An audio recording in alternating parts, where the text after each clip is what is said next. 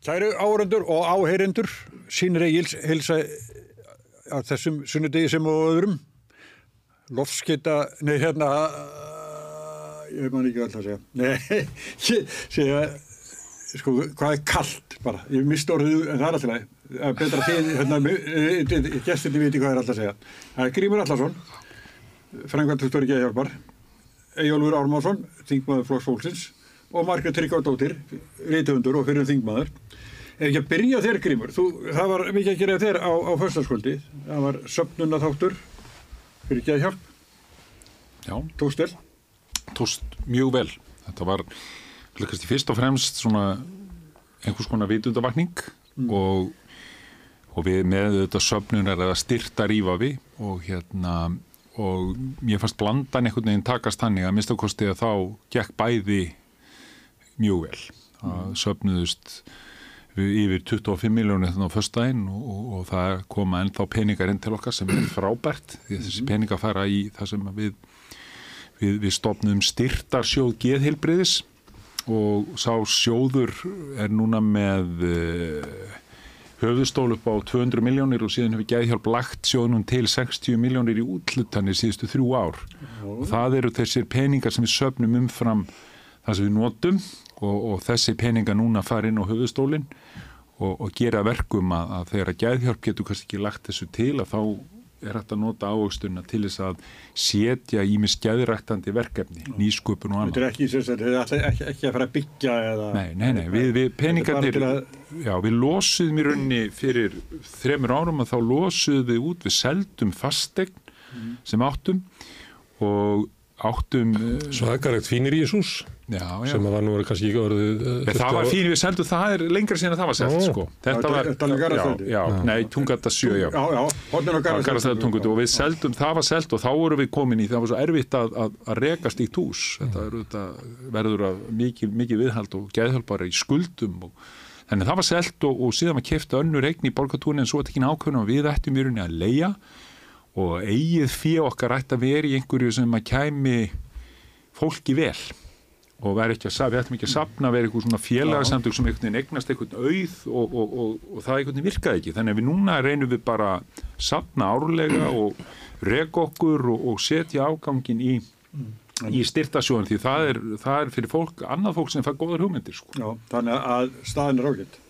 Já, já, við getum nú farið yfir það á eftir sko, Já. það er auðvitað hjá okkur í þessu er hún ágætt en auðvitað auðvitað er bara staðan ekki, það Nei, kom líka fram í þættinu fyrir veika fólkið. já, já, já, bara fyrir okkur öll. Við erum nefnilega, það er líka miskilingurinn að geðir ekki bara engamál þeirra sem að líkin á geðdeldum Nei, sko. nei. við erum alveg, sitjum hér öll við borðum með okkar geð og, og, og okkar sveiflur og okkar líf. Og það er kannski það sem við vorum að reyna að koma áliðis að, að, að líka bara þetta er það sem við þurfum að skoða öll.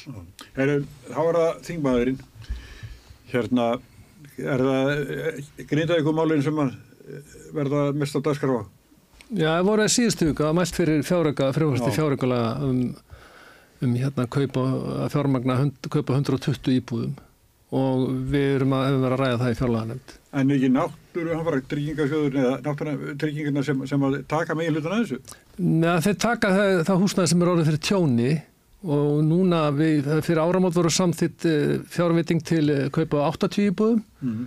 og svo núna eru 120 íbúðir sem er núna, hann er konar 200 íbúðir samtals þegar það hefur búin að ganga frá því, þeim kaupum. Já, og þetta er til fólk sem er er bara, sko ég hef heyrt af fólki sem er sumabústum, sem er ekki rendi vatn og svo, og svo framvegis. Og þetta er til að mæta þörf grindinginga fyrir húsnaði og ég á ekki vona öðru en að það þetta munir renni gegnum þingi Það er, ekki, það er nefnilega ekki komið alveg í ljós sko, hvað náttúruhamfara tryggingarsjóður borgar.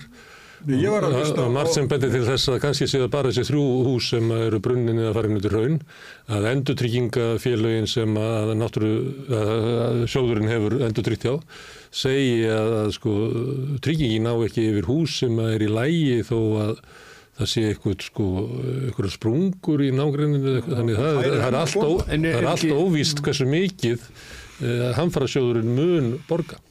En já, já, ok, ég skildi að þannig að væri sko húsi sem er eðilast út á jarðskjáltunum og það væri líka undir en sem er orðið fyrir tjóni að Já, þá, getur, þá getur endur tryggingar aðeins sagt að ég meina, ég, það má kannski laga þetta fyrir hérna 15 miljónir, gjör svo vel. Það borgar ekki sko 70 miljónir.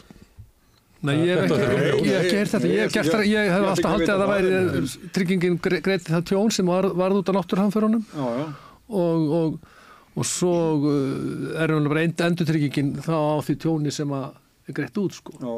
En ég, ég sko, það er náttúrulega ekkert komið í ljósendalegt tjón á bænum Nei, nei, nei. og ég Og var að vona það að bæri muni náttúrulega halda, lifa áfram. Er staðan er enn að vestna af því að það er að myndast nýja spurningu jarðunni gliðinar margir Sigurdóttir fyrir, Já. fyrir þingmála Nei, ég- þetta er er rosa fegin að þurfi ekki að redda þessu máli.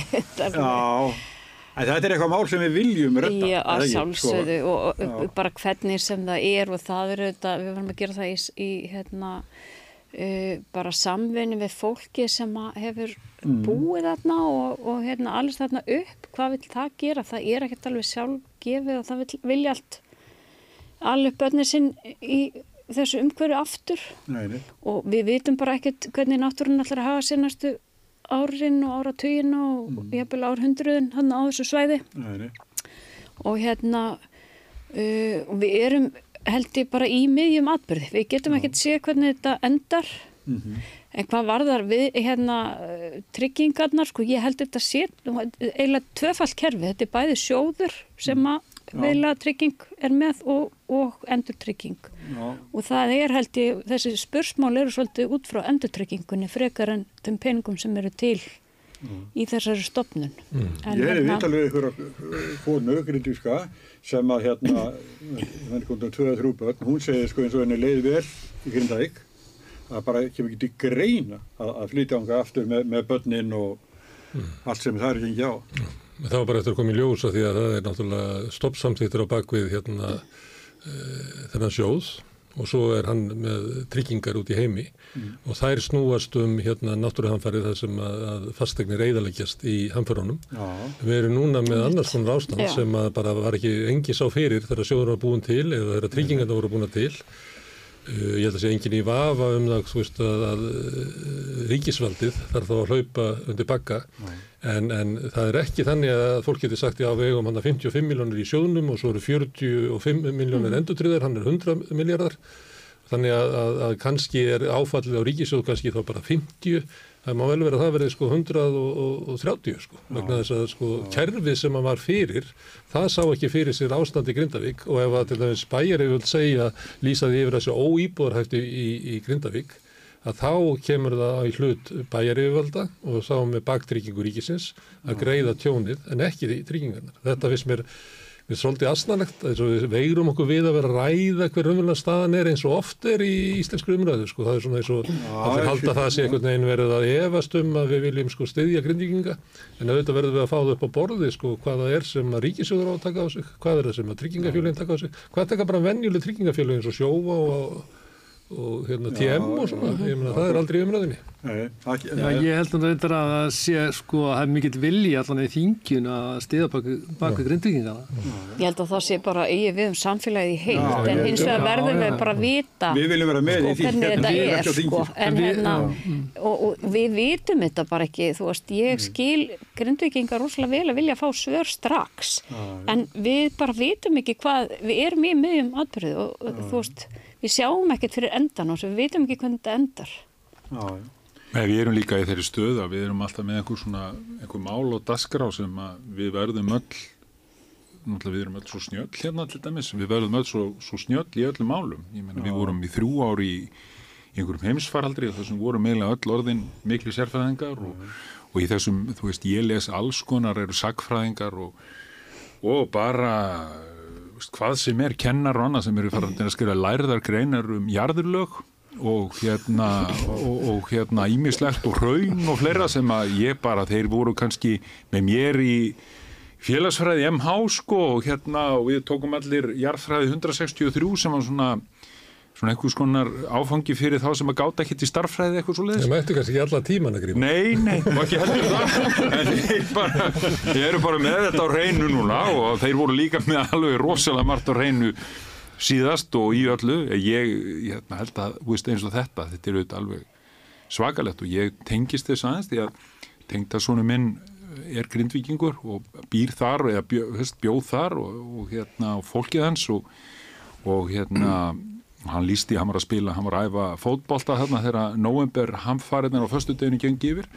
Og þú veist, þeir er allir svo harðir sko, þú veist, það má ekki, þú veist, það má ekki láta, þú veist, þeir svo er það inn og allt í hennu bara að þetta er húsið sem er ekki íþróttahús, heldur hitt sem við hliðin á sem að í rauninni er ónýtt. Og þar var skýnu allt í hennu, var bara, var, þú veist, varst allt í hennu bara á gerfigrassi með engu undilagi. Það var bara komið allt í hennu, heyrðu, ég sökk bara. Ganga Já, og ég skilur og þú veist, menn bara einhvern veginn, við erum hressir sko og svo kemur fullorinn, móðir fullorins mann sem er að heyrðu, nú kemur þú heim. Það þurfti eitthvað svona til þess að menn bara, heyrðu, nú hættu við þessu. Já, af því að þetta er og svo, svo situr þetta fólk eftir og, og þetta er kannski líka við bentum nú svolítið á það í þættinum að þetta er, við ræðum mikið um, um húsnæði og annað en sko áfallið og hérna þessa geðrænu afleðingar sem við fáum bara, bara ofan í allt núna, fyrst var það þetta COVID og svo núna erum við komin í þetta og þetta er mjög, mjög, mjög stórt. til og með við hefum samanbyrð frá Vestmannagósinu fyrir 50 árum síðan og það var ekki tala um þetta eftir áföllin þar á fólkinu. Nei, nei. það var kvarfumlega heimur þar bara tilvistalega síðan hann var ekki sprengtur upp er eins og það brann húsin. Bara kvarf er svona fallast hluti bæjarins. En sko svona þá var fimmúsmanna bær þar sem að hluti hans fór undir. Við vorum miklu minna hagkæri, miklu fátakari samfélag þá. Og núna erum við hlutast miklu ríkara samfélag og, og þetta er 3800 manna samfélagana sem að Íslands hagkerfi við við geta ráðið við létt við að, Já, tildulega létt við að geta ráðið við að steði bakið á þessu samfélagi Við erum 4,5 sinnum stærra hækjari veldur við vorum í Vestmennagórsuna.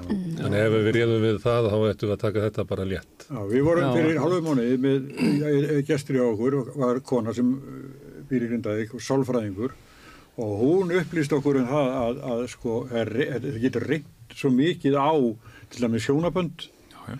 annað eh, hægfara, hitt kannski vill drífi í þessu öllu saman og, og hann er sko, þannig að það, hún var með, sem það væri komin dæmið það að góð sambönd væri bara ónýtt einmitt út af sko hvernig Já. fólk tekur svona áfalli misjaflega. Já. Svo er líka nágrannar sem er að vera að rífa upp samfélag hana, 3800 manna samfélag með nágrannar og svona daglegt líf, það er bara horfið á þessu fólki. Við setjum okkur líka, þetta er þessi, hvað við gerum á daginn, þú veist, við förum í, að því ég er nú búið, þú veist, í Bólungavík og, og Dalabygð og, og, og Rætur og Rauvarhöfn og, og svona, og það sem að var alltaf, þú veist, þessi því þekkið þetta og Snæfellsnesinu svona, þú veist, maður fór alltaf einhvern veginn inn í kaffi og var með einhverja rútínur sem að hafa haldist mjög mikið í þessum minni samfélögum, sem er ekki hér, þú kannski á síðan ertu, þú byrði í þínu, þetta er fólk kannski átti ágættis hús og bjó eitt og annað og þessi er allt í nú komið í litla blokkaríbúð einhver staðar í Já, það sem er ekkert, þú ert ekki til neinu Nei, nei, þekkir ekki nákvæmlega. Það væri svolítið gott ef að, að okkur tækist að ræða þetta þess, hvað, hvers virði er samfélag?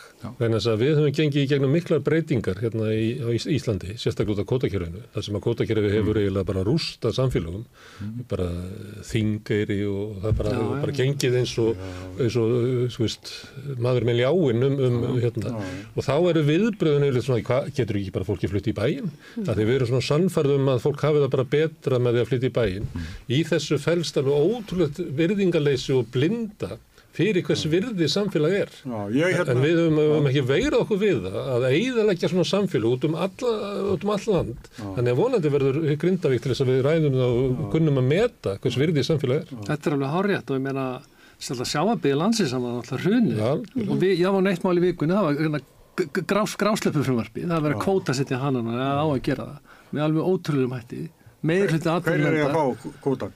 það er með veiðrenslu fyrir Á þryggja ára aftur þá? já, já, menn þetta verður allt samþjöppun og, og þetta er svo breiður hópur sem stundar þessa veiða núna. Og þetta er þjappa saman. Það er, löggjunir er bara búið til peningana. Það verður bara tvö, tvær fjölskyldur sem mun eiga alla gráslöpu við þetta er safna saman.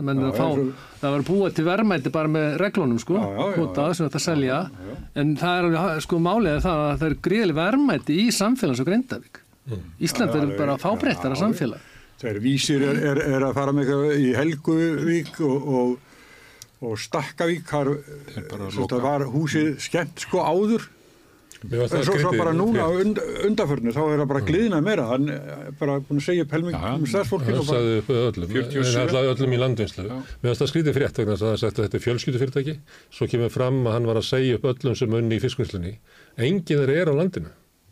Allt fólk sem hafði sko hann er farið. kannski verið með sko, kannski ráningarsamband við fólk, Jú, eh, jú, mér finnst það bara skrítið samsetning sko. Ég að- hitt hennar mann, ég geti trú að hann hefði bara, þetta er ótrúlega svona eðlilegu maður sko, svona búin að, Já, ég meina, Ég eru- ekki það, það var bara enginn sem að vann í fiskvinnslunni. Bjó í, í Grindavík, það voru allir farnir til útlanda eftir hérna. Já, það var, í, sko, Engin- það var eitthvað ekki einn. fyrirtæki þarna sem að var með mjög mikið erlendum vinnarafli sem að sendi fólki sitt bara heim um jólinn til, en ég veit ekki hvort það er tengt þessu eða, nei, eða hvað, bara Þannig fólk það kemur fengu ekki allir, eftir. nefn væntanlega ekki. Það er mjög mikil kvóti Grindavík, við verið allan tíð. já, Það er mjög öflugt fyrirtæki og já, ég mjög, og maður sér alveg bara söðuströndi, það eru, það er Þólasöp síðan og svo er Vestmanni og svo hefni Hortnafjörð. Þarna er kóti sem var einu sinni á Húsavík og þetta er eitt af þeim bæjum sem hafa sapnað til sín kóta. En svo getur hann rókið í burtu eins og við tekið frá Akranes. Ég- Einu sem var Akranes sigurveri kótakjörðsins, hafið tekið frá Sandgerði og víðar, svo allt í hennu bara er engi kótu Akranesi. Það þarf ekki nema skilna, þá getur allt farið í upp. Herðin, en sko, það sem mér finnst svona skemmtilegasta frétti sem að ég hef ekki hýrt talað um, það er hérna nýji þjóðapúlsin. Mér finnst þetta hérna alveg ótrúlega merkileg sem að lesa út úr þessu. Þetta er svo óbúslega reys samfélkingarinnar og svo eru bara sko hínir flokkandir, flestir, bara sko mynda bara svona lárista byggði, ef þetta turnandi tveir sko, það er, er eitt turn núna og ég veit ekki hvað að kalla sjálfstæðarflokkin og svo verður sitt bara verið svona lárist byggð. Það eru flokku fólksinn sem er 5% eða eitthvað, nei hérna 5 7,9. Já, 7,9%. já, já, 5 þingminn eða ekki. Jú, Já, já, ég var að telja, meina það og þar er líka til dæmis viðreist, Já, þeir eru sjökum eitthvað, svo er miðflokkurinn hann næstur Já. og eftir, hann er þriði, já, 10,9. hann er að, viðflokkun er að eh, rústa framsók. Já, og líka sjálfstæðarflokknum, það er bara beint streymið þannig milli. sem, er- sem er einkennlegt að því að manni kannski finnst eins og það séu svona Ég var að á- söguna fyrir ég. Já, já, já, já. formaður framsóknar er leiðið sko miðflokkin sko. Við erum, það eru þrý flokkarna sem eru um kringum 8%. Framsókn, við og, og pírata. og píratanir. Og svo er viðreist aðeins lægra Já, og svo er? Jón, það, er- er ekki í konunum millir 7-8 er, er eiginlega það sama. Já, þetta er vikmarka. 7%. Það er náttúrulega svo með já. 30 sjálfstæðisflokkurinn. En þetta er rís hérna samfélkingarna. Þetta er svolítið, sko, þetta hefur gæst áður, eða ekki, það voru ekki píratar eitthvað sem röku upp í, Já, Pírata voru einu sinni, hvað held ég, bara með 40%. voru nálgast það Já. 34% meira minna í 14 mánuði. Já, hvað var þá að gerast í samfélagi? Þetta reys upp þegar að hérna, stundum eru hlutin svo undalir. Það sem að var eh, vending í þetta var á tímabili ríkistjórnar uh, Simundar Davís þegar að hérna, þau afturkölluðu aðildrumsvonina. Að þá hérna, flyktist fólk nýra á Östuvöll og fannst þetta vera bara eins og oft er að, að stjórnmálinn séu bara að, að, að taka völdina fólkinu og öðru slíku. Og það leiti til þess að sko píratanir ruku upp sem að kannski er ekki svona Evrópuflokkurinn. Síðan kem, koma Panamaskjölinn eitthvað já. þetta einu og halva árið setna. Já, En þá gerist það undarlega sem að myndur ætla þá myndu píratarnir fara bara með heiminskautunum. En þá byrjaði að dala uh, undan þeim en hins vegar jógst fylgi VFG. Þannig að kjó, hérna, kjósöndin er oft, hérna, það er, það er erfitt að spá fyrir um hvernig hún hugsar. mjög sérstakt, mjög, mjög, mjög sérstakt það er hérna, sko, þegar eh, aðalega Sigurður Ingi sem tala þannig að við höfum stert umboð. Við erum með sko 37 þingmenn.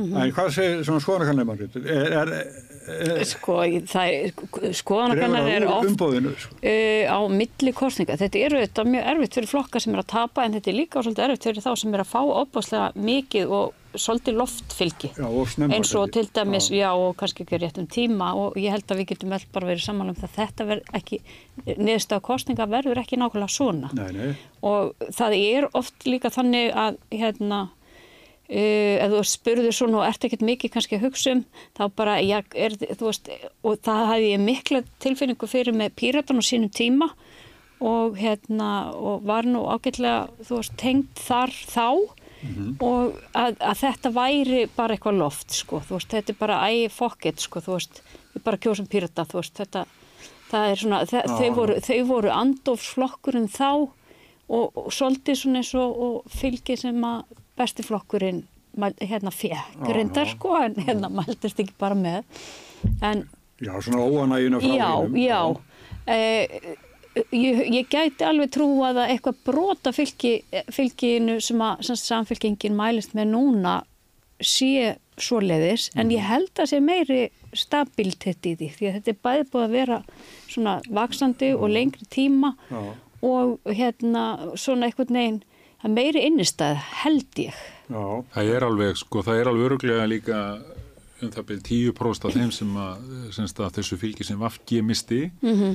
Það, er, það er þetta fólk svona eh, félagslega þengjandi fólk sem er svona mm. pælir í hlutu mikið og er, þau skiptir og er svona mjög harðir húsbónd, eða sem sagt, er ekki, Já, alveg það svona, er er ekki það- hotlistu fólk að bara fer og það fer á milli það- þessara og flokka hefur svolítið. líka mjög svona sterka þörf fyrir að skella hurðum á eftir sér þannig að- að það, þú veist, það fer oft með kvelli og svo svona Já. kemur það tilbaka En það er, já, að- og það er líka, það hefur svo lítið litla þólimaði fyrir mistökum hjá sín fólki Já. sem við sjáum að er alls ekki svo lesa á hægri vangnum Nei. þar sem er bara gríðalegt oft fyrir Já, bara slegið alls konar hérna já, já og, leikinn, og, sko. og, og einhvern veginn svona alveg til í að, að svona hor, horfa í hinn áttina ansilengi.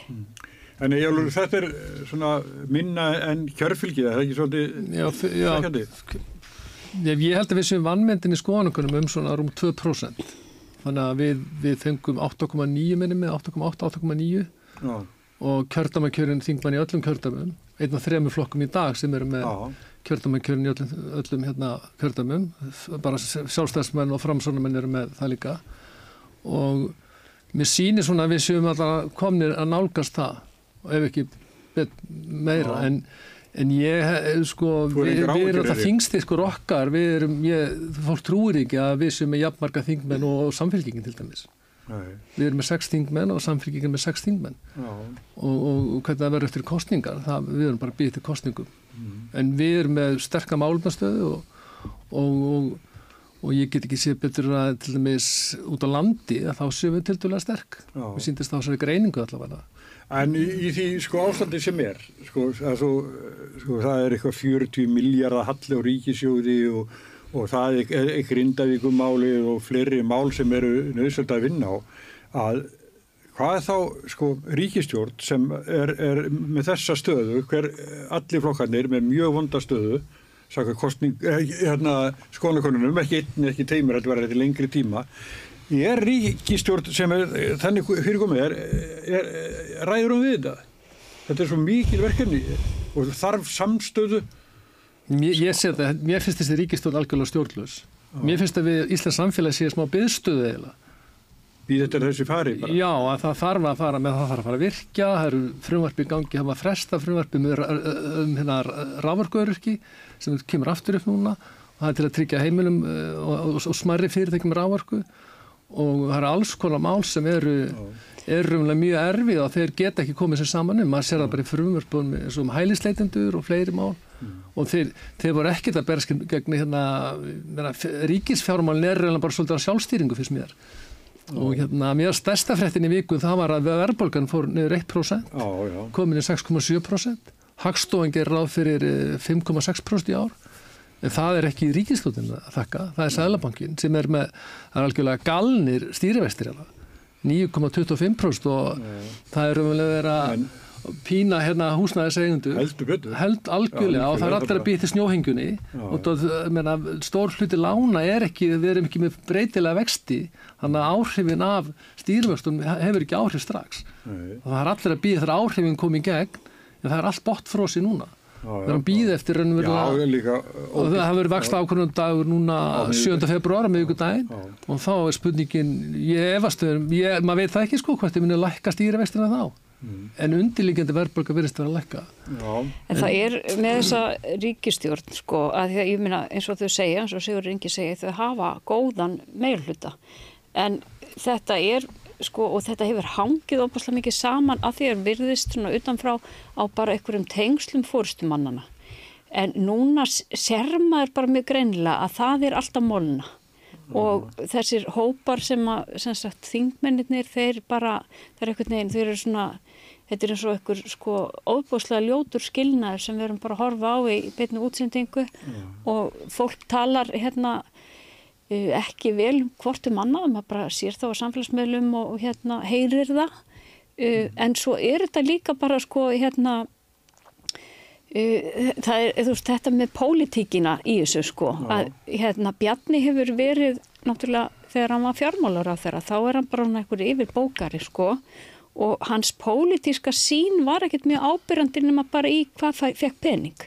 En núna þegar hann er allt í hennu orðin utaríkisráð þeirra, að þá er þetta bara svona eins og að horfa á hérna sko bílsli sem maður velti fyrir sér, er þetta bara svona algjör kulnun hjá honum, hefur hann alltaf verið svona skýtlug nági eða þú veist, hvað er málið, hvað, Já, já, þú veist, já. hvað er það? Eða er það, veit hann bara að þetta er, þú veist, hann er á útleið og honum er orðið bara alveg sama um, eða, og svo er hann náttúrulega að fiska, reyna að fiska eitthvað frá miðfloknum aftur tilbaka til sín, það er náttúrulega alveg greinilegt, en uh, mér finnst sko, af þessum þremur flokkum, þá er í raun og veru bara Sigurður Ingi sem að maður svona hugsaður, já, hann verður bara þarna formaður áfram og svo heldur hann áfram fer örgulega að vinna til vinstri næst vegna þess að allavega ef að þetta verður eh, út eitthvað í líkingu við það sem kemur út þessari skoðan og konum verið mjög erfitt að mynda ríkistjórn. Það er náttúrulega alveg klárt. En Já. hérna Uh, en Katrín og hennar flokkur er nánast búin að vera og maður held einhvern veginn að hún færi kannski í fósittan en nú kemur það kannski aðeins fyrr en hún átti vona á en það er enginn sem getur gripið hennar bolta og hún getur ekki afhend einhverjum nýliða flokkin með 5,5% fylgi og með við kannanir og í þessu vonlösa samstarfi sko hún er alveg bara klemt þar. Og Bjarni er náttúrulega bara einhvern veginn greinilega á útleið og orðið alveg sami um allt saman. Já, Og það er líka kannski áverð að hugsa um það því að Þórdís er virðist þeirra svona annar karakter og hefur öðruvísi ásýnd. Mm Allt verður sér Já, nærveru í og, og, viðtölum og, og hérna það, en hún er hins vegar akkurat að tala í hina áttina heldur en Bjarni, Já. sko, Bjarni er að tala eins og þú lýsir inn í inn í þetta svona miðflokks svona óttan við útlönd uh, umræður sem, a, sem að eru sem er alveg bara, bara fullt af fólki sem að hérna flokka Já, fólksins já, og, og hérna, það er bara, þú veist, og það er bara þetta, þarna fiska ákveðni flokkar og fiska bara, það er, á, það er fullt af fólki á Íslandi sem er þarna. 37% sangat Gallu sem En það er, já, flokka. en það er bara, þú nærið þeim ekki og það er bara spurning hvað þú getur fiskað þegar þú ert síðan fórstænir að breytast og hvað það Þórdís að gera. Alltaf hún að fara það og ég sé hann ekki gera það. Ég held að það er ekki, það myndi ekki ná kjöri sem formaður framsóknar. Nei, Sjálf, nei, nei, það er líka, maður mað heyrði af því þegar hún talaði til dæmis á, á, á, á, á landsfundinum að þá var svona okkur hópur sem að ákvaða að hérna, þetta var mjög, þetta bara var talað um þetta, hann bara hætti að hlusta og byrjaði að tala þegar hún var að tala, til þess að sína henni fyrirleikningu sína. Og, og það er ansi magnaða að hugsa um það. En auðvitað Vafgi, maður hefur áhyggjur því. Ég þekki það nú ágætlega og þekki þetta góða fólk. Eins og að þá er þá er bara að voða lítið eftir að því fólki til þess að þú ætlar að fara, hver er síðan leiðtóðin sem kemur upp? Og þá er engin nema þeir sem er í launiðum störfum núna. Sko annarkort sem ráðgjafar eða inn í, inn í hérna Það hafa fleiri flokka, þú nefndi Þórtis í Kolbrúnu, Já, hún er búin að vera starfsmæður sjálfstæðarflokksins síðan bara upp á fermingu. Já, en það eru þó má segja, þau eru samt sem áður með 18%, ha, Vafgi með 5% og það er engin, skilur eftir. Það er bara, það er ekki, það er þó þarna, það eru þarna 27 eða eitthvað, skilur veist, það eru aðeins fleiri sjálfstæðismenn og, og hérna, ég er bara veltaði fyrir mér, sko, hvað það getur verið. Og það eru þetta bara sorglegt og, og það er hvað langt síðan að, að hérna, stengurum í þá, bankaði upp hjá Loga Einarsinn og sagði, heyrðu, vil ég ekki bara ganga í, í Vafgi og leggja niður samfélgjuna og, og nú er þessi staða, þetta er auðvitað ansi, það var talað um þetta 2017, það var, það var varað við þessu og það var talað gegn þessu að þetta væri í rauninni fyrir eitthvað óheilbrygt og vanhelg svona samstarf sem að væri ekki að því þetta er ekki byggt á þessu, við ætlum að vera með breytt þetta snýst ekki um það. Nei, nei. Það er að þetta, eru, þetta eru 13 eða hvað eru orðið núna ráðunettin sko. þau voru færri, við vorum með velferðarráðunetti Við sem var vorum með gott. tíu henni eftir hrun. Og svo skiptum við svo aftur upp þetta við, þú veist, þetta snýst bara um að gefa fólki við erum með, við erum með einskipa stjórnvald á Íslandi, ekki fjölskipað. Og það er vandin þá er þetta ekki breytt, þetta er bara sóló, svo hættu við, já nú er ég bara hérna eitthvað óstabíl og þá, þá lokum við flottamanna hérna aðstóðinni á Gaza, við bara viljum ekki taka þátt í því og svona þetta gerist ekki neinstaðar annar staðar. Allan ekki svona síðum Já, samfélum já, það jafnvel- tala, já. það sitjum við hérna, nei, við, við gerum það ekki ég skil alveg ónaði með þetta en við þurfum að gera eitthvað annað Það var ekki lágmark hjá Bjarna að, að upplýsa Katrínu fórsættisræður um hvað hann var að fara að gera. Þetta er stór Hann gerði ekki atkvæðagræstunni í, í, í samnöðu þjóðunum, fyrri atkvæðagræstunni. Ja, það var Já, einhver kom Já, hann kom alltaf ekki til. Þess vegna var eða alþjóða ráðgjafi hennar látin fara af því að skeiti strandaði í honum. Já, rökin við því að sitja hjá og voru engin. þetta hann bara verið í flugvél og gæti ekki senda áfram að þeim var í flugvél þetta, var- þetta var þannig sko En hann var látið fara. já, já, það þarf að fórna einhverju peði Já, já. En Eyjólfur, Útlendingamálin. Já, við, já, útlendingamálin. Já, ég, við segjum það, sko, að þetta er náttúrulega, það sem er málið henni undir er það, að það eru stórkostli fjölgun á hælisleitendum. Það voru sko árið 2015 voru eitthvað 350, svo eftir uh, skildi hafa verið, ég þú en verið að þingi þá, kannski 2016, það var svona samkómala. Nei, reyndar ekki. En, Já, það var 2016 var svona samkomla þá ríkur ríka hælisleitenda fjöldin upp í 5 1100 og ég hitti fyrir að 2022 þá eru umsóknar 4550 og eitthvað og í fyrra 2013 2023 voru það 4100 og við erum að taka að móti á hvern 100.000 e, íbúa þá er við með 582 tvær umsóknir og meðan Skandinavi er kringum 80 Svíþjóði 133 og og það er þessi fjöldi sem er aðal málið. Við þurfum alltaf að segja hvað við viljum sem alþingismenn og þetta frumvarp Jóns Gunnarssonar, það var ekki að svara eina en einu, það var bara eitthvað svona kuklur stjórnsýslinu raunverulega. Mm. var þetta ekki meira og minna Úkræn og Venezuela þessi fjöldi Já, sem var, kom hérna stærsti hluti var ja, Úkraina Viljið þið og það hætta- er kollektiv samkomulega að taka en, mútið en ef að fjöldin er vandamál, viljið þið hætta að taka við flottafólki frá Úkrænu? Nei, það er samkomulega að gera það. Það er, þeir, það, þeir fara ekki? Frá umsögnarverð Palestínu? Nei, ég menna að það er ekkert ekki spurning um hvað, hvaðan koma en mér fannst þetta með Venezuela til dæmis að það voru þrjú lönd í Európu sem voru taka mútið flestum það var Þískaland með 83 miljónir Spátn, sé 40, 45 miljónir þar og svo litla Ísland og við tókum mútið í fyrra umsóknum að voru 1500 umsóknir og ef við reiknum bara með bandaríkin þá er það ein og, ein, hálf miljón Það búið að loka þetta, það, það byrjaði að hafna bara automatist. 230 í Þetta var ákvörðun stjórnvalda að bjóða fólkinu sérstaklega velkomi frá Venezuela. Já, ég sko, ég held þess að við höfum verið eitthvað að ræða á samfélagsmiðlum en hérna, sko, það er náttúrulega ákvörðunan undir hjá hérna, kærið búlendingamála. Nei, hún kom á eftir. Já, ég meina, það er hún sem að- Sagan er svo að fyrst ákveður hérna útlýðingastofnun að, að veita öllu sem koma hérna frá Venezuela viðbóta vend og automatist þryggja ára dvalarlefi og atvinnlefi. Síðan uh, skiptir útlýðingastofnun skoðun og svo breyting var kærð til hérna, kærnemdar sem úrskurðaði að það væri ekki hægt að breyta um hérna, stefnu nema að væri ykkur efninslega fórsötu fyrir því og það komst að því að það hefði ekkert breyst í Venezuela.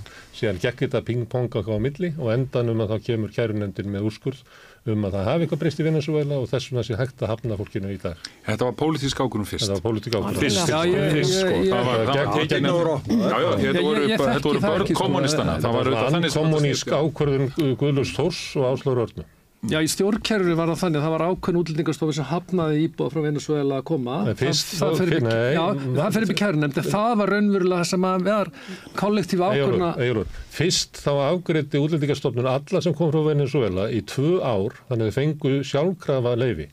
Þegar hún skiptum skoðun að þá var svo ákvörðun kærð og þá kom hérna, kærunemndin og sagði þið megið ekki breyta nema þessu ykkur efnislega ástæða fyrir. Já, það var, það var ástæðan fyrir það og þá var... Og mér finnst það ótrúlegt að hlusta á þingmenn í öllum flokkum haldaði fram að hafa verið kærnemndi sem að móta þessa stefnu, Já, sem er bara ekki rétt. Af hverju vorum við að býða það eftir kærunemndinni núna? Af því það var í vonin um að hún myndi um ákvör- skoðun? Já, af því að útlendingastofnun breytti um stefnu, kærunefndin hafnaði og uh, þrátt fyrir það þá breytti hérna helt útlendingastofnun áfram að hafna eftir að nýju lögin voru sett og þá var verið að býða eftir því hvort að svo ákvörðum myndir enni í gegnum kærunefndina. Já, sko, kærunemndi skiptum skoðunum í haust Já. frá fyrri skoðun og við vorum með til en að breytinga til í vor um það að það Rúinlega byggðum þetta beint á handbók flóttamannastofnuna saminuð þjóðunar, munum milli efnæslisinflinda og, og hérna flóttamanns og það vísum við þýðum er þess að þrjá fjóra málskerina hann úr þeirri handbók.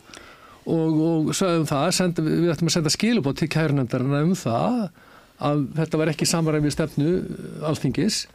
Og hérna því var algjörlega hafnað. Og þá verið að býða eftir nýjum úrskurði Já. til að stoppa þetta. Og meðan ég held að það hafi verið 1600 mann sem þarf að flytja núna tilbaka til Venezuela sko, sem er alveg og stjórn það er náttúrulega, það er náttúrulega stjórnfræðilega- þarf ekkert að flytja þetta fólk neitt. Það, það getur bara verið hérna uh, það er nóg vinna Já. uh, og þetta er bara já, mjög hefur, hefur verið Já. hærra en okkar annara sem að búum hérna. Uh, síðustu 12 ár hefur íbúum á Íslandi fjölgað um 75.000 53.000 af því eru útlendingar og sko atvinnum okkar viðskiptamódel hérna eftir hrun var að drífa alla í ferðarþjónustu. Uh, ferðarþjónusta, uh, þú þarft fullt af starfsfólki og þú þarft fullt af starfsfólki til að vinna störf sem mörgum finnast leiðileg og eru illa borguð og við höfum sem sagt flutt inn meira og minna 53.000 útlendinga til þess að vinna þessi störf. Þótt fólk komi hérna sem, sem hælisleitundur það, það er ekkert sem segir að það get ekki bara unnið þessi störf. Og við þurfum endilega að flytja þetta fólk til þess að vinna þessi störf frá Pólandi. Og þetta er alveg glórilaust að gera svona upp á milli fólks. Og uh, þetta fólk sem kemur hingað frá Venezuela vegna þess að hér var sannarlega opnað og sagt. Og það vil svo til að ég á bróðir í Venezuela sem að var skiptinemi á heimili fóreldra mína það er ölliti yngri en ég og við vildum, að því að þetta ástand þar hefur náttúrulega verið að byggjast upp, við vildum hérna fyrir hrun flytja hann til Íslands og hann langaði að flytja hingað búa hér, hann talar íslensku. Uh, fyrirtæki, sagt, fjölskylduminnar var með starfhandunum og við fengum ítrekka nei frá útlendingarstofnun að því að við hefðum ekki, sko við, við vorum búin að auglýsa eftir starffólki og fengum bara eitthvað fyllibittur En að því við hefum ekki auglist starfið á gjörvöldu evrópska efnahagsveðinu.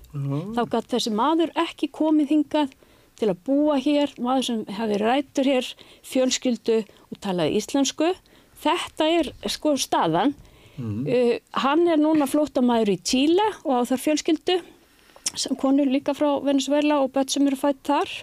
Fóreldrar hans búi í Bandaríkjunum og einn sýstir, önnur sýstir býr á Spáni, það er engin eftir í Venezuela. Þau eru, og, hérna, og það er eiginlega sama með fjölskyldu konunans og þau eru, þeim er bara dreift út um allt, allan heim þetta fólk.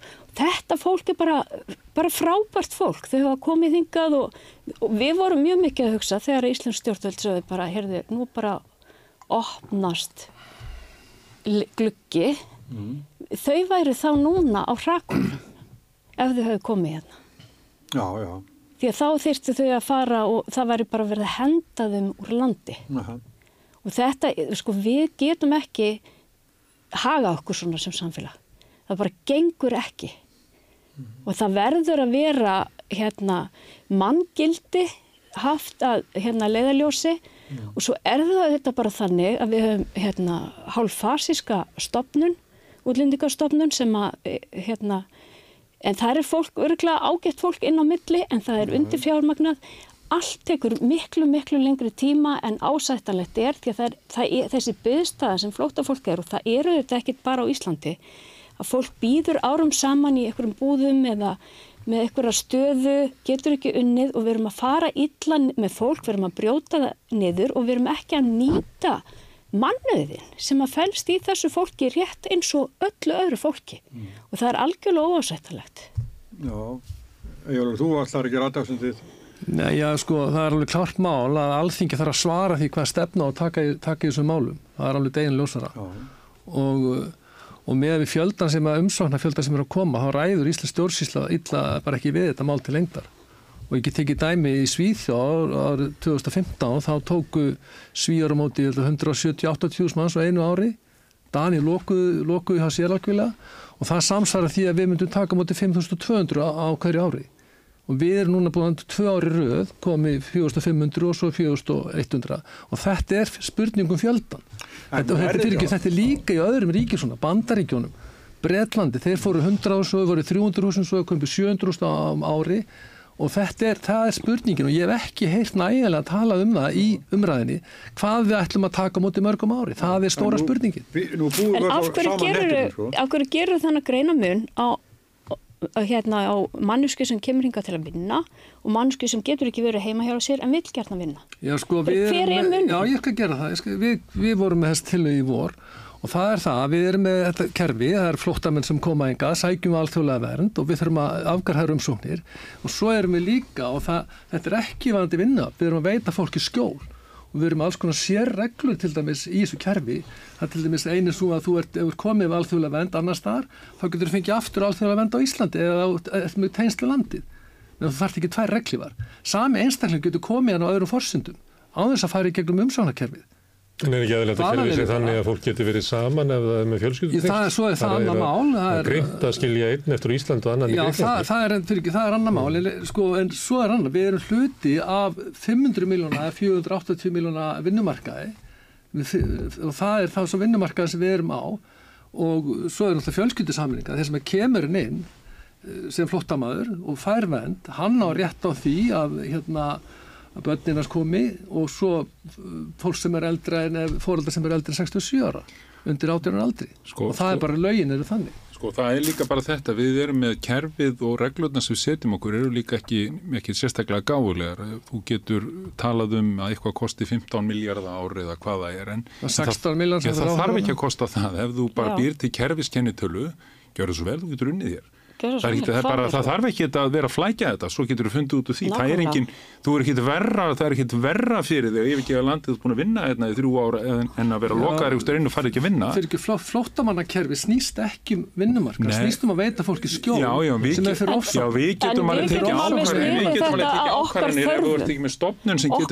Við, getum vel tekið ákvarðin um þetta og ég held að núandi stjórn sem er algjörlega stefnur þessu máli, algjörlega. Það er Það eru komið í eina vanda. Ég, ég, það sem ég, ég, flokku minn vill og ég vill, ég vil við afgriðum þetta mál svo við getum fara að berjast við þau barðum sem við erum kosin til. Það eru strandveðanar, það eru bara það ekki fátækt, réttindi örkju aldraðara, svo við getum einbett okkur að þeim málum. það geta allir Og- og- að því líka, sko, Og ég hef það ekki er- áhuga því að koma ykkur flokkur eins og í Svíþjóðan 21% flokkur sem er engungu sem keirir á þessu. Það, er- það er bara, ég hef engan áhuga á því. Ég hef engan áhuga að vera þannig Það pólitík. er eins og að- veruleiki hins vegar er komin og, og málið er að veruleikin er ekki að fara að breytast að því við erum líka með það sem að margir er að afneita, við erum að, með þurka og erfileika í norðanverðið Afríku og í sunnam, bara Já, syðra og þetta, já, þetta þú ítir fólki, ítir fólki norður og það fer að það verður meira og meira og Það verðast að þjóðflutningar í gangi í heiminum. Já, og Það er- þeir verða og við getum, ef við ætlum að sitja hérna, við þurfum að hugsa þetta allt saman og vita að þetta er ekkit eitthvað sem við leysum með því að loka okkur, því að við, Það er við engin sérstök merki um aukningu á, á umsóknum um hæli hér á Íslandi út af lofslagsbreytingum. Þetta eru langstæstu leiti úgreinu fólk, svo er þetta, þetta sér vandamál sjálfstæðarflokksins með Venezuela fólk sem að var kvart til þess að koma hingað og hérna hefur núna verið lokað á. Svo er þetta fólk frá Palestínu í þriðasæti að, og við erum skuldbundin, við erum hérna, að, aðilar að alls konar sáttmálum. Og þannig að við erum skuldbundin að taka mál fólks til meðferðar að kemur hingað og það er sagt að við hefum ekki stjórnsýslu til þess að, að annað þessu. En af hverju eflum við hana þá ekki? Nei, við gerum það ekki, þannig að við erum að ónýta stjórnsýslu. Þannig að fólk þarf að býða í sko ár eða eitt og halvt ár. og við viljum ekki leifa því að vinna og brauðfæða sig og fjölskyldu sína á meðan heldur að það meinuð ingangin í Íslands samfélag og við þurfum að, að gefa því ykkur vasapenninga allan annan tíma. Þetta er hérna ástæði fyrir hérna kostnaðinum. Það er ekki það að koma svona margiringað það koma ekki sérstaklega margiringað Þú veist, ef við tökum í burtu Úgræn og Venezuela, þá er þetta bara, hérna, þú veist, ættum við alveg að ráða við það. En það er bara kosið að hafa stjórnsýsluna þannig að hún ráði ekki við þetta, þannig að þetta allt í hennu verður þetta eitthvað ríkrætt vandamál, af því að hún virðist vera á, á þeim buksulum og það megi alls ekki hleypa einum einasta hérna inn, nema hann, þú veist, hafið sko bara þúsund prósent ástæði fyrir að vera hérna Eh, við höldum öllum frá, við erum alltaf að leita ástæð til að hafna fólki og þess vegna berum við hennan svakalega kostnað. Já. En verður þetta ekki hérna eh, bara eitt, eh, getum nú líka að tala um ríkisjármálin, en þetta mál verður öruglega sko átakamál alveg fram að kostningum, verður, þetta verður stort mál í er, kostningum. það er verið að gýra okkur upp í það, Já. greinilega. Og maður sér það bara á hérna, einmitt, uh, formanni sjálfstaflokksins til dæmis Já, og hérna meðflósmönnum alveg ítrekkað. Maður sé líka að samfélgin er byrjað að tala öðruvísi. Hún er að undirbúa sig undir það að, að við verðum að vera skinnsum í þessu og þannig að, að, að við erum að fara bara sömu leiðina og hefur gerst í öðrum flokkum að það er kannski svona 12% sveifla meðal kjósenda sem að finnst þetta að vera stæðsta mál í heimi sem að veldur því að það verður stefnubreiting til þess að eh, hérna, þjóna eh, danska þjóðaflokknum eða svíþjóðademokrátum eins og við erum að sjá út um öll lönd. Það mun líka gera þetta um Íslandi. Ég held að ég- sko, Já, í, ég- sko ég- kerfi í Danmörku eiginlega býður upp á þetta. Þessar minnlutarstjórnir þar sem að danski fló- þjóðaflokkurinn gat endalust uh, verið utan stjórnar en stutt uh, stjórnir hérna og var í raun alltaf valdamesti flokkurinn en aldrei í stjórn og það höfum við auðvitað ekki hér. Hér hérna uh, er, þú veist, já það er mjög margt að í íslenski pólitíkur stjórnsýslu. En hér, þetta okkar svona munstur býður ekki upp á það að einhver sem er ekki stjórn geti haft þessi áhrif. Og sem er enda pínu sé- ógjafa líka sko Já, það eru, meirihlutaræðið kostir, hefur- kostir og gallar við allt saman. En það, allavega, það er ekki hægt að vera ábyrðarlaus og hafa þessi áhrif hérna Þetta, þetta er kerfi. samt alveg rétt hjá Gunnari sko. það, ég, ég grein alveg þessi, þessa breytingar ég er mjög hlusta mikið og hef tengst pólitík ágætlega en, en alltaf skilgrinni mig hvergi alveg og hérna ég, ég finn þetta, ég finn orðræðan breytist þú veist, þú talar, þú færir þig inn á það og þetta, þú veist, Mette Freyrik sem byrjaði á þessu uh, sósjaldemokratin og, og það var mikið högg fyrir mig, ég. Já, hafði, veist, ég bjó í. Danmörku og, og lifði í því samfélagi og, og mér fannst þetta dálítið vond og, og, þessu var fagna mjög víða af, af svona, svona þeim sem voru istilhæri og, og hérna, ég greini þessa, þessa breytingu líka hér og það er, það finnst mér vond Já, það er ekki gott. nei, það er bara ekki gott og, og ég, við erum við erum land sem hefur reytt okkur mjög mikið á. Og við reyðum okkur enn eiginlega bara við, við erum algjörlega ósjálfbær í rauninni. Algjörlega og, Og- líka minna okkar bara viðskiptamódel, ferðarþjónustan sem á að berga allir hérna núna, hún bara ger, hún, hún, virkar ekki án erlends vinnuhalps. Nei, nei, nei, og þess vegna fiskurinn er og þetta- álið og allt saman, og þetta er bara allt saman, þetta er allt erlend- saman. Og, erlend- og, hérna, og það er í raun og veru þannig að þetta er algjörlega glórulaus umræða á þessum nótum. Finnst mér, Já, já. bara gjörsamlega Ég viljið það bara opin landamæri, ég skil ekki alveg, meina, og það er sko eitt í þessu, þannig að við alþingi þurfum að svara því hvernig við viljum hafa þetta kerfi. Sko- og það er fólk, eða flokkar sem að hafa þá skoðun að við erum að takmarka þetta, að það halda fram að þessi eitthvað ámælisverð sko, ámælisverð skoðun, ég bara hafna því algjörlega. Við verðum ekki að tala um þetta frjálst. Við sjáum hvernig Svíþjóð er búin að lendi í. Það var að fólk þorði ekki að tjá sig um þessi mál. Ég bjóði Nóri, það er miklu sammála þeirri samfélag og miklu sko. opnari umræða og alltaf að tala um einhver hægri öfgaflokk út í Evrópu hingað að fanga. Við erum búin að sjá þessu aukningu, hlutværslega miklu, miklu fleiri en í Skandinavíu. Danir eru með 70 á, á þetta var 2022, En voru þeir með en þú ert- 76 manns á, á saman- 100 við- ásum. við Við erum með mörg- 582. Já, við fengum mörg þúsund manns frá Úgræn og, og hérna Venezuela og þetta er bara sett alltaf sama, þetta er bara svona og þetta er komið til að vera 4500 manns. Við Já, við þurfum að hanna kerfi sem við ráðum við. Við þurfum að hafa lögjöf sem við ráðum við og ekki þess að sérreglu. Við þurfum að uppfylla alþjóðlega skuldbindingar í þessu máli og hafa kerfi sem að lög, lögjöf sem að við stjórnum. Og það er annað eins og líka. Ég held að fólk sé miklu meira áhyggjur af því að svo stjórn, sé svo stjórnlust og það er óanað með þessa ríkislu. Það er allt, þetta er allt svo stjórnlust. Þetta er bara, þetta er bara, allir hlutinni bara að En gerast þessi er öllu skell, þetta er yfirleitt öllu skellt á þessa hælisleitendur. Þegar nú mar margætt við tölum 2019, ég vil bara fætti 2019 síðan 2019 hefur okkur fjölgað um 53.000 svo 2019 Það er búið að 74.000 út- erlendi ríkisborgar hérna. Já, en, Já, er já, 50, en já, þetta já. er fjölgunin og það Já. er ekki vegna þess að við fættum svo mörg hérna. Nei, þetta er vandin er að við erum er okkur ekki fjölga og þetta er, þetta er ellen, þetta fólk er ekki hælisleitendur. Þetta er er fólk sem er að vinna. já, já, En það er verið að tala, sko, svo tölum við um það kom einhverjir aðilar frá að utan og þá er þið búin að taka allar íbúðunar. Þú veist, það, þessu, stilt svona upp. og þetta er bara svo rátt Þrýstingur er ekki þar. Þrýstingurinn eru ferðamenn og fólk sem fáum hér til að vinna, til þess að vinna störf sem Já, þurfum að ég, ég er bara að segja eins og þegar að menna að það er skortur og íbúðum landinu, við höfum verið að pressa það að Já. það er byggt meira En eigum við þá ekki Við bara að vorum skera niður samþykkja það ferðaþjónustuna? 80, Bara- fyrir, 80 íbúð fyrir grindvíkinga fyrir áramót og svo 120 aftur Þegar og lokaðist svo- fyrir það að að framleiða í. COVID að þá náttúrulega bara hérna voru allt í hennu bara til nóga íbúðum. Þú veist, við getum ekkert sagt að einhverju 500 hérna, hælisleitundur séu að sprengja kerfin. Þú veist, það eru 2,2 miljónir hérna, ferðamanna hérna okkur einasta ári. Og fer fjölgandi. Bara, e, e, þú veist, þetta, þarna er þetta og ég meina, e, þú veist, það þarf bara að taka ákverðin hvernig ætlum við að mæta þessu og svo líka bara fólk sem flytur hinga hvort sem eru hælisleitindur eða hérna, bara fólk sem kemur hérna til að vinna það kemur hérna þegar það er fullorðið langflest. Og hver einasta hvert einasta barn sem fæðist Ísl- Íslandi það er bara kostnæður fyrstu 25 árin. Það, bara, það skilar engum tekjum.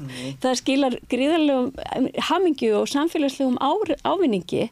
En ef við ætlum að meta hverju einustu mannesku út frá kostnaði þá ætlum við að loka fæðingadeildinni ekki í landamæðina Það er fæðingu fe- fækkandi hérna. Það verður alveg vandamál. Þú ert ekki að skilja það sem ég er að benda á Margrét er að segja, Já, ég reyndi ekkert um að slá á þetta að, að flóttamenn sem yngar kemur eða einflýtjandi á fullorðisárum hann er svona eins og 74 miljón krónar gjöf inn í samfélagi Nákvæmlega. það er kostnari sem að hefði hann hefði kostað að koma honum upp í 25 ára aldurinn þannig að við ættum að skjóta rakett í hvers getið sem einhver kemur yngað og það er náttúrulega þannig að það er ekkert svo margir sem vilja koma yngað sko. það eru hérna, við erum í EES og þar eru 470 miljónir sem að tóku vaknuð í morgun og tóku ákvörðum að koma ekki til Íslands Já, þeir fengi ekki vinna á Íslandi. Það er nógu vinnu og, Íslandi. Þið heyrið alveg Láglauna tónin í, og atvinnlífinu að þau eru að hvetja til þess að verði ringað hvað er hægt að sækja vinnuaflið vegna þess að EES er ekki að uppfylla þarfir hérna íslensk vinnuafs og sumuleiti vegna þess að þeir vilja borga svo láglaun en það er hérna talandi um stjórnleysi þá náttúrulega er stjórnleysi á húsnæðismarkaði það er bara þannig. Það er bara það er svo að hafi ekki verið gert ráð fyrir að við okkur myndi fjölga og það er ekki gert, hérna, það er bóðið fólki sérstaklega til þess frá Úkrænu, það hefur komið fjóðus manns hérna, var eitthvað gert í húsnæðismálu til þess? Ekki neitt. Ekki nokkur Var eitthvað hlutur. gert til þess að styrkja innviðan til að taka á móti þessu fólki? Ekki neitt. Þetta er bara eins og að manni sé bóðið í mat og svo bara kemur og, og hérna, húsröndur er ekki svona búin að fara út í búð og kaupa sko. Þannig að það var bara algjört fyrirhyggjuleysi. Það er fyrirhyggjuleysi á miklu fleiri stöðum en það sem er að hins vegar að gerast núna er að sko stjórnleysið í, hérna, í grunninnviðunum uh, stjórnleysi bara í öllum ákvarðunum sem að liggja á stjórnvöldum að taka og hvernig við ætlum að þróast sem samfélag, hvernig við ætlum að það stjórnleysi í ofþenslu ferðarþjónustunnar og álægi sem að það veldur á húsnæðiskerfinu, á vegakerfinu, það eru sko sex sem að létust í umferðinni í janúar Hérna, það, það er stjórnleysi út um allt, það er stjórnleysi í heilbriðiskerfinu, það er stjórnleysi í mentakerfinu. Skólamálum, læsismálum allt einu dreigið hérna, hingað inn gríðarætt vinnuafl til þess að hérna, búa um og sinna þessu ferðafólki. Og það kemur með börn og það er í skólanum og það kemur í ljós að skólanir eru bara alls bara óundibúnir að taka við fólki sem er með ólíkan sko bakgrunn og talar hérna miskóða íslensku eða að menta krakka sem er á heiminu þar sem er ekki tölu íslenska.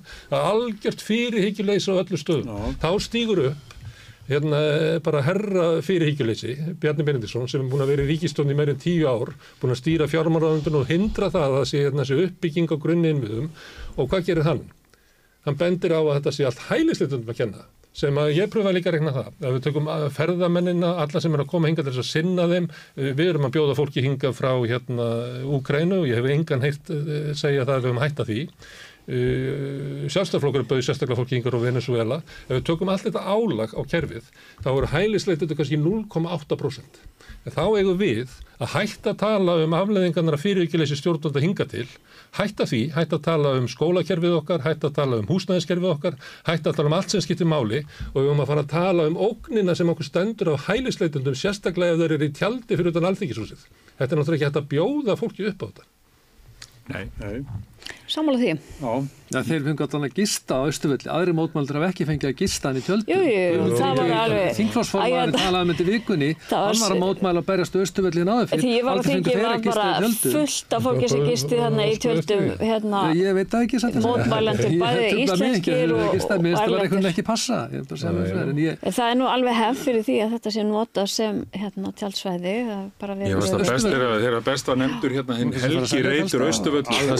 það það hefur sko Dirty Burger and Ribs og American Bar og English Ríkis og English Pub og þetta er Helgi, Helgi Reytur okkar Íslendinga. Svo verður við að hafa í huga, fólki varðarna alveg sko fólki varðarna til þess að reyna að bjarga ættingi sínum sem að eru á gasa Já, já. og hvernig búa ættingja þeirra? Nákvæmlega svona. Þeir búa í tjöldum og valla það sko. Þannig að mér finnst þetta að vera bara hérna, mótmæli sem að byrtingamynd er að vera algjörlega í takt við erindið þeirra. Já, Ég ætla aðeins á að hérna vitna í, í Bubba Mortens þegar hann var að syngja flóttamennina sem hinga eru komnir en sko, svo eru ættingjarnir ennþá úti eins og við erum búin að vera að tala um hér og þá kemur þessi setning það eru grafir í hjarta mínu. Sá sem er komin hérna en fjölskyldan ekki býr við óvissu og ógn og hvaðina það er sá sem er komin hinga, það eru grafir í hjarta hans sko. það get ekki hjálpað Nei. það get ekki og það, Það er einn maður sem múin að missa börnin sín, foreldra og konuna og við erum að fara hendunum á landi. já, já. Ég meina sko, málið er að sko ég með mín, sko ég er forréttinda maður bara það er þannig, ef ég fæðist hér á þessu landi þá er ég bara forréttinda maður hvort sem ég búi, hafi búið öll mín áföld sem ég hef gert og gert alls konar forréttinda maður sko mín, sko, ég bara satt ykkur það þegar dótti mín festist í bandaríkjónum í COVID og var einhvern veginn þú veist, þetta var bara erfitt í sko í viku, skiljiði? Já, já. sko, hugsiði sko eitthvað viku, eitthvað vesen, eitthvað smá vesen. Hvernig búist bara foreldrum líður við það? Bara eitthvað svona algjörlega hjómkent í rauninni fyrir alla nema bara þann sem lendir í því. Og börnin eru kannski veika og svonu minn var eitthvað tímann á lúnadeild og þetta var allt svona, skiljiði ímyndið ykkur þetta og setja þetta síðan í hitt samengið þetta sem, sem er að gerast þarna. Og maður tala við þetta fólk og hittir fólk og það bara svona, já, já, það dóu allir nema ég. Og, og við erum hérna, þú veist, þú kemur ykkur og segir heyrðu þið úrt að sörga einn helga reyt okkar austurvöll? Og hérna, og þetta er svo, þetta er svo hræðilegt. Hvað er hræðilegt? ömurlegt. Þú veist, það er rauninni þá bara þetta, þetta, ég skammast mín bara fyrir, þú veist, það er alltilega að vera með alls konar skoðanir. En stundum þá það maður bara að halda kjafti og, og hérna hafa þessa skoðan annar staðar og bera virðingu fyrir því sem fólk er að ganga í gegnum hvort sem er að fara að hemba því út eins og margir vilja gera eða að taka á móti allavega ekki láta svona hluti út úr sér í þessari stöð já, já. En ég held þetta ég þurfa að lita stjórnmálumræðin annað til kostinga og þetta verður fyrirferðast að mála í kostingum og það eru bara margi sem að að vilja það. Uh, Það er aðliklisvört að fylgjast með Bjarna að, að reyna einhvern veginn að stoppa lekan yfir í miðflokkin. Ég held að, að því meira sem Bjarni talar í þessum, hérna, í þessa átt, því minni, eða því stækkar miðflokkurinn. Mhm. Kannski flokkurlóksins, ég veit það ekki. Og því hann er, minna, sjálfstaflokkurinn mun ekki stækka. Nei, herri, en það, sko, við ræðum eitthvað eh, til viðbútur í þessu. Það er hérna, sem skiptir okkur öll verðanleiklu máli, það er, eru kjaraviðræðunar.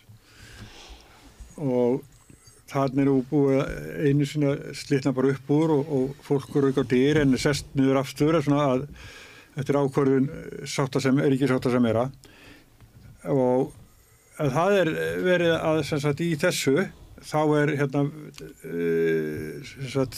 ríkisjóður dreginn inn í þetta, hann, hann þurfa að koma með talsvert framlag en er það ekki, smári, er það ekki er ekki ríkisjóður þá er, raunverulega bara, er þetta ekki eiginlega bara leiðrétting frá því sem að þetta var áður þess að Það er, þetta er byggt á held í útreikningu sem að Stefán Ó- Ólafsson hefur nú hérna, svona mest haldið fram að það sé verið að færa þessi tilfærslukerfi sem er þá vakstabæturnar og barnabæturnar fyrst og fremst að, hérna, og ykkur leiti húsalegubætur til þess sem að var 2013.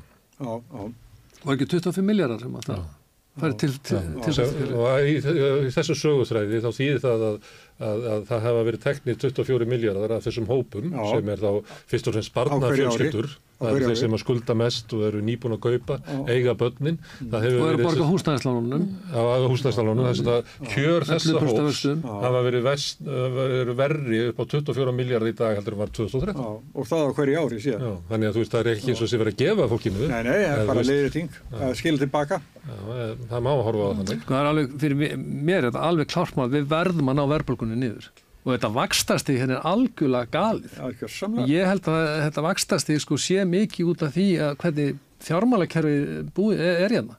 Þetta þessi verðtriðu lán, minn í Nóri er í 98% húsnæða þannig að þeir eru bara fljótandi vöxtum, breytilegum vöxtum og þeir hafa nátt tökum verðbólgunum með 4,25%. Já, svo í þessu Stýrivöxtum, við erum í ný og ennþá snjóinginni. Já. Það sýnir að áhrifin, mekanismin er ekki að virka í þessu meina að kerfi. vera að svona blóðmjólka fólkið að þá kemur landsbankin með með tagnað á, á síðast ári. Þannig og ekki mátti setja bankaskattin á. Já, ekki, nei, Við nei. erum búin að vera með til við ára eftir Já, það. Þetta er, verist að búa, búa til einhver banka aðalina sem var eins og fyrir 2008. Það var alveg sami sjáarðið líka. Þetta var bara söguleg þróun, kannski frá mjög svo miðaldir, það þróast aðal sko og það er búið að búa til aðal hér Já, já, sem er bankakerfi, jú, það eru kvota eigundur, þetta er eiga landsbyðina nánast. Fyrir fólk sem er svona gjössamlega að, að brotna undan þessum hérna, ótrúlegu afborgunum og allt aðra fórsendur heldur þegar það kipti kipti kannski þegar það var predika hér að væri lágvaksta land sko. en Og það er mjög stutt síðan að það var predikað og það hérna, var 2017 uh, þeir flokkar sem eru núna í ríkistjórn kannski byggðu sem kostningasegur á. já, Nei, það er alveg ljóst að, okkur hefur bara mistekist alveg í rauninni alla öldina, síðustu öld og, og alveg þessa öld. Við höfum aldrei farið inn í neitt, neitt aga og ekki neitt og, nei. og erum síðan alltaf með, með stjórnvöld sem er að tala einhvern veginn fyrir einhverju svo kallar engavæðingun, hún er svo, svo ábáslegt bákn með þeim og þetta, er, þetta fer bara fyrir hingi og svo tölum við um þetta sem að þið voru að tala um hér, bræður, þessi, þú veist, hvernig í rauninni þessi kerfi sem voru með og voru með kannski aðeins öflugri, hvernig þau hafa verið skorið niður, en á sama tíma þá erum við að sjá alla þess að þegar við tölum hér, kem ég hérna aðeins með geðhelbriðismál, við tölum um geðhelbriðisvísana, þá hafa þeir verið að, að börnum líður verð, livjanótkun ekst og við erum bara að fara á vondan stað. Á sama tíma erum við ekki að gera neitt til þess að gera það þannig, líkillin er að fólk sem er að eignast börn bara ég er hérna á von og barni þá fæ ég stuðning við það af því að það kostar af því að með því að styðja fólk þarna og líka styðja það til þess að vera takast á, á þetta tilfinningarlega og takast á þetta efnaðslega að fyrstu tvö ára á, í lífi, í lífi nýspars þá er það bara þannig að þeir sem að fyrsta bat sem fólk eignast 50% para skilur á fyrstu tveimur ára bara þetta 50% skilnaður hvernig er það samaburðið önnulegt, það? Þetta er slæmt við það en það er ekki allstæða svona slæmt. Og það er, sko ég held að við sjöum skerum okkur úr að því við erum með svo vonda þjónustu þegar Norðurlöndin hafa oft verið betri en við og oftast. Við erum með svo slæma þjónustu. Það sem við hugsum alltaf um, við viljum koma börnunum og þetta er alltaf fórsendum vinnumarkaðarins að því að vinnumarkaðin vil fá okkur aftur út á vinnumarkaðin þá er það í, í algjörum forgrunni. Í staðins að hafa barnið í forgrunni og líðan fólksins í forgrunni svona hvernig hefur það á vinnumarkaði, hvernig hefur það í lífinu og ef þú hefur ekki tíma, ef að þrýstingurinn allur einhvern veginn að þú ert að vera að hugsa að þessu efnaðslega þarna, þú þarft að ná í þetta að þá er staðan þannig að ég allavega við sjáum tölurnar hafa bara fyrir niður 81% barna í grunnskólum árið, árið eh, 2014 lísti mér líður vel eða mjög vel í 81%. 80%. Á, já, 80%. Núna er þessi tala 59%. Stúlkur í, í stúlkur í, í hérna tíundabekk segja 27% ég er ánandi sjálf mig, sjálf mig. Það var 40% fyrir fjórum árum, nú er það 27%. 27% er ánandi sjálfa sig.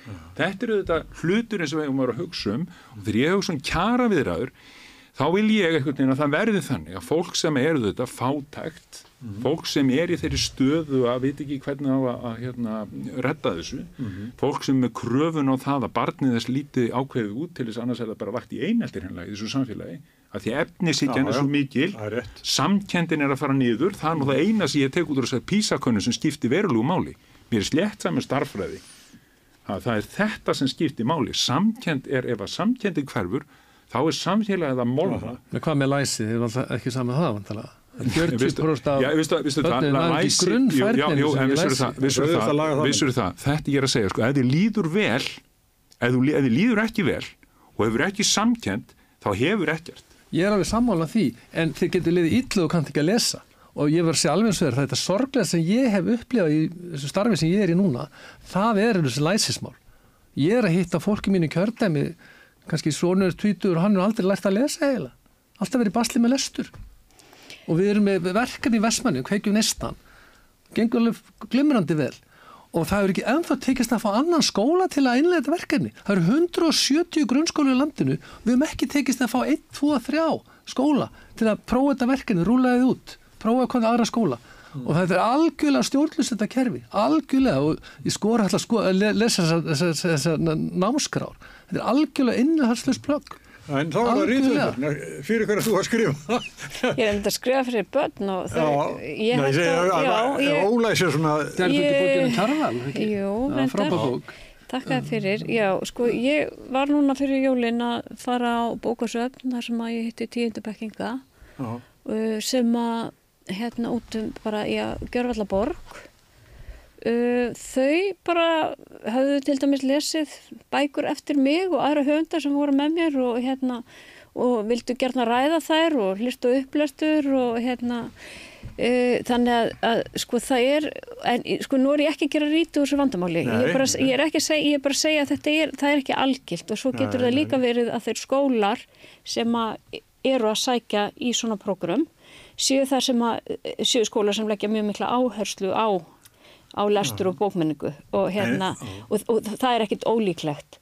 En uh, þetta, þetta, þetta er í rauninni alltaf saman og við vorum að tala um hérna áðan að við erum, kerfið okkar er, skólakerfið er ekki tilbúið að taka á móti uh, börnum frá öllum heimshortnum sem tala, hafa ekki íslensku móðmáli og svo, svo er lagt fyrir eitthvað leskilningspróf að sjálfsögðu ef þau kunni ekki tungumáli þá skoraðu kannski ekki sérstaklega hátt á leskilningsprófi veist, þetta, er, þetta er líka hluti af sem vandamáli uh, Það, það var hérna farið að þeir eru búið að leiðrétta fyrir þessu mm -hmm. að þá eru við á hraðileg niður Mhm. Já, já, ég, ég, bara, ég veit það, ég veit það en já. þú veist að þetta, þetta er samt sko ofbáslega stór hluti af þessum vanda uh, hérna það er líka bara stór hluti af því hvað koma út fáar bækur fyrir börn og unglinga, það er stór hluti af vandanum er líka það að skólabókasöfnin eru uh, rekin af hverjum skóla bara á þeirra forsöndum og fara svolítið eftir áhuga skólastjórnenda og fjármögnun. Sumstaðar er verið að gera stórkurslega hluti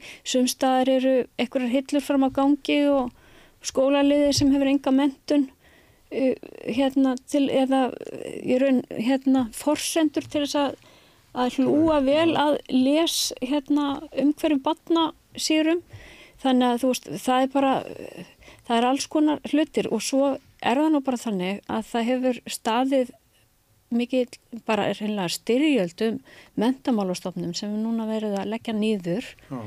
Og það er, bara, það er í raun og verið búið að vera ófremdar ástand í þessum málum uh, og það hlýtur eitthvað staðar að koma niður. Og það getur vel verið að taki bara ákveðin tíma og við séum að sjá niðurstöðun af því núna.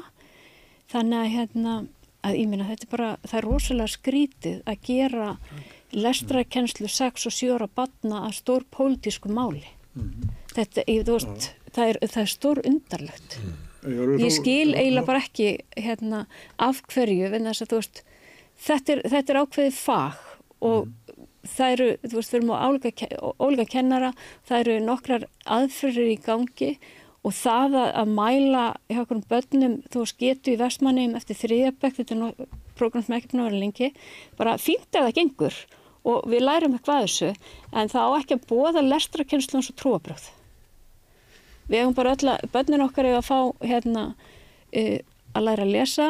Við hefum að treysta kennarunum okkar til þess og þau þurfa næði og þau þurfa tíma og þau þurfa aðhald Já. og stuðning og þau þurfa að fylgta bókum.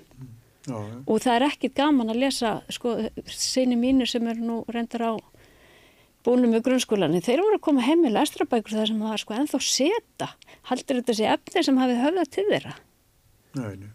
Þú veist, það þarf líka þú þarft, að, hérna, nýjar bækur fyrir nýja kynnslóð Eyjólfur, þú vilt ræða þetta? Já, ég er bara eh, tala um að kerfi sem virka ekki, þá tel ég að mentakerfi sé eitt af þessum kerfum sem að virkar ekki. Og við sjáum til dæmis með, til læsismálin og það sem er gerast í vestmenn og við verum með þingmálinn það að þeir eru sett, sett í námskrá að þeir eru kent bókstafa hljóðaferðin. Það er búin löglega í Breitlandi og Fraklandi og við komið hérna færistu sérfræðingar heims, Hæki Littinen, Stanistadi Hani frá Fraklandi og þeir tala allir fyrir þessu. Og barni læri, það er heila stöðan að það læri ekki að lesa, voru að skilja það að táknið A þýði A og B þýði B. Barni verður að ná þessum grunn forritunar máli sem að stafrófið er. Og svo getur svo þarf að æfa sig og fara að lesa með bókum og öðru slíku. Já. og það er það sem við erum að leggja til. Og þetta við erum með námskrár og skólanámskrár og það en þetta kerfi virðist bara ekkert virka. Ég lesið aðalámskrár framhanskóla læsi það, ég, ég skildi ekki orðið þessum texta sem var þar. Það var bara eitthvað út og suður. En þú myndir þess ekki ná písa eða? Ha? Nei, jú, ég er að geta að læsa það og lesa nú á æfinni, en það erum bara komin annað hérna. Við erum eitt ríkasta samfélag heims og við vorum eitt fátakasta samfélag um 1900 og núna erum við komin í hvað er top 6 í OECD. en samt er ég í Íslandi fátækt, það eru öryrkjar og aldrei sem búa við fátækt. Alveg hryllingur. það eru tekjuskeringar, þeir get ekki aflað sér sjálfsafla fyrir Mm. prófa þess að vinnumarkaði að það festist í fátakargildrum það er þetta sem við erum að taka á að ef- leyfa einstaklingurum að taka virka átt í samfélaginu. Mm. og það verður að horfa á hann hóp, þetta er svona tíndur hópur eiginlega sem er í samfélaginu sem er ekkit verið að fjalla um. Og það er fólk sem búir í húsbílum og, og tjöldum og öðru slíku. Við verðum að taka utan um þetta fólk og það er þessi kerfi, tilfæslu kerfin og sjá til þess að líka fólki geti farið á vinnumarka og berga sér á þess að vera að skera yfir almantryggingar úr öllu valdi. Það er eitt kerfi sem að virkar í það er alveg með ólíkindum að rosalega vel. Það er bankakerfið. Eh, Landsbanki var að skila hérna, uppgjöri fyrir síðast ár með næri 43 miljardar í hreinar tekjur sem að við dreigið upp úr samfélaginu og hérna svo borgar eitthvað að skatta þessu. og á verðbólgu tímum Á verðbólgutímum, það er allir að, það er, það er allir að bara að kapna út Bugast. af, af hérna, háum bugast. En landsbankin hefur verið alveg ógeðslega fínt Já, já. ef að þið eru einhverju vandröðum hvort Ég- að allir hafa það skýtt á Íslandi þá er það ekki þannig. bankakjöri landsi, það er bara eitthvað að því það er engin samkeppnaðana er, Nei. þetta er alveg bara svona brandingsamkeppni við erum ekki Já, samkeppni og, og, líka bara öll þessi þjónustu gjöld og þú getur ekki, þú varst nota þín einn peninga nema bara borga fyrir það hérna stór fyrir. Nei, Maður er ekki velkomin í bankana. Nei, neina, fyrir utan það sko. og svo eru við að hækka stýrivesti og svo kemur sælabankusturinn að hefur farið verðtriðulánin þá losnum við þetta stýrivöstunum Já, svo er allir að fara í stýrivestina þá er eignupptakar er alveg svona ásist á hverju ári út af Já, já, verðbólgu. í og, og, og svo er allir að býja til snjóhengjunni núna. Og nú er ríkistofnir ekkert að gera í þessu. Ekki neitt. En ef landsbankin er svona cirka 30% af eh, kerfinu, þannig ef að hinni bankandir eru með eitthvað samberlegt, í, í þá erum við að tala kannski um að bankakerfi sé að taka svona 130 til 140 miljardar upp úr hérna, Veski hjá, já, hjá fólkinu fólki og fyrirtækjum. Þetta er bara einn landsbítarlega á dag og maður er að velta fyrir sér býtu hverða var kosið um þetta? Er Þetta er eitthvað system sem þetta að við er erum svona bara... aldrei verið kosið um kosið ábyrgarnir lána rjúk algjör upp þessi peninga fara náttúrulega í bankana vilt þú hafa þetta svona? Eða Nei, ég myndi ekki vilja hafa þetta. Akkur er þetta svona hjá okkur? þetta Ég, fannst svona kannski það sem er sko, kannski það er þessi hugmynd, hún er eitthvað svo skrítin, hún er þegar, þegar selabakastjóri kom og talað um að, að spari fjár eigendur, nú er komið þeirra tími, það eru þeir sem eiga peningana og vera að lána okkur hinnum, skiljið því, sem eru auðvitað, það er það sem þetta gengur út á, að því að þeir hefðu farið svo illa út úr síðustu árum þegar, þegar var lítil sko ávöxtun og, og vesen og, og vandræði og þeirra, þeirra, runni, þeirra, þeirra, þú veist, við áttu höfum það þegar vexti voru mjög lágur. Fólki sem sprengdu upp húsnæðismarkaðinn og hlutabröðumarkaðinn og fekk sko 100% hækkun Ég, ég, ég, ég, veit það, það er bara, þetta er svolítið sérstætt og það er einhvern veginn þessi hugmynd hún kemur alltaf, það er eins og þetta þegar það gerist þetta eru tólf aðilar í flottamanna aðstofinu og saminu þjóðun sem að brjóta af sér og gera eitthvað hræðilegt að þá bara skulu allir. Og mér finnst það að vera, ég sakna þess að þetta sé, og þetta á líka við um öryrkja, það er oft talað um öryrkja. Við meðum nú ekki hækka hérna þeirra hlutskipti mikið að því að þá hérna eru svo margir sem fristast til þess að verða öryrkjar.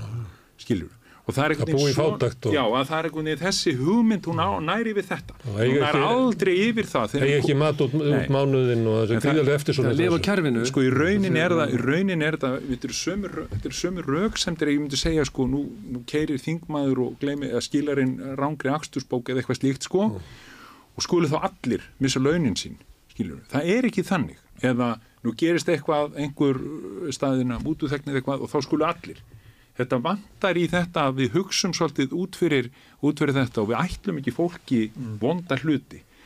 En við notum það gagvart fátækum, við notum það gagvart fólki sem að hefur þá er alltaf komið þetta, þetta er ræðilegt nú verðum við að stoppa þetta.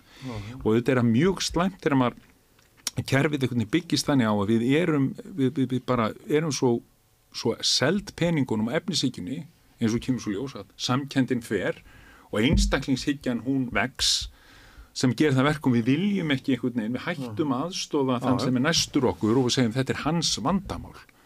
Og það eru þetta og kannski gerist það þeim sem er Grindavík að það hjálpa okkur aðeins til þess að skilja þetta er einhvern veginn okkur þykir mjög væntum við viljum öll styðja náungan og við ættum kannski að horfa þá lengra. Það er fólk sem, að, sem við erum búin að koma fyrir, við horfum ekki til þess það býr á Ásbrú, það býr í Þorlásöfn það býr á Selfossi, það býr í, í, Inri Njarvík þetta eru staðir sem að byggst upp á mjög fátöku fólki meðal annars sem að ferðanga því að getur ekki búið hér í þessari paradís sem að Reykjavík kufist vera eða Hafnafjörun eða Garðabær og hvað tala, tala ekki um Seltjætanes eða Fossvóin að, að hérna því ég tel oft Fossvóin fyrir utan Reykjavík því að það er bara svona svæði sem er algjörlega það verðist vera fyrir utan allt svona Fríríki. já, Ég er nú fórsvæðinu Já, já, en þú, þú, það er, það, já, já, en það er, en, en sko, það er mjög mónotónt í samfélag. En þetta er, við þurfum að fara að horfa til þess að opna okkur og segja, við, við erum öll einhver stað þarna, við endur, getum endað þarna mjög öðvöldlega.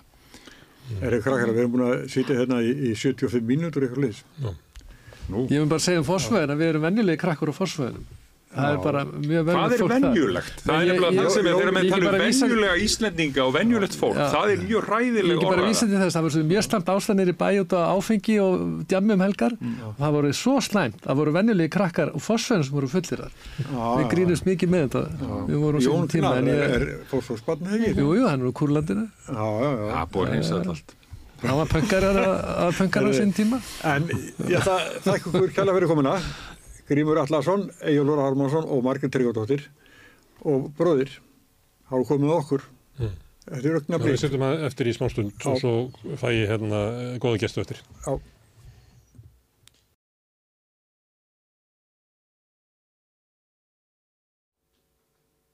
Já, við höldum áfram hérna í þættinum Sinir Egils, hérna á eftir að þá koma til mín uh, þrjár konur.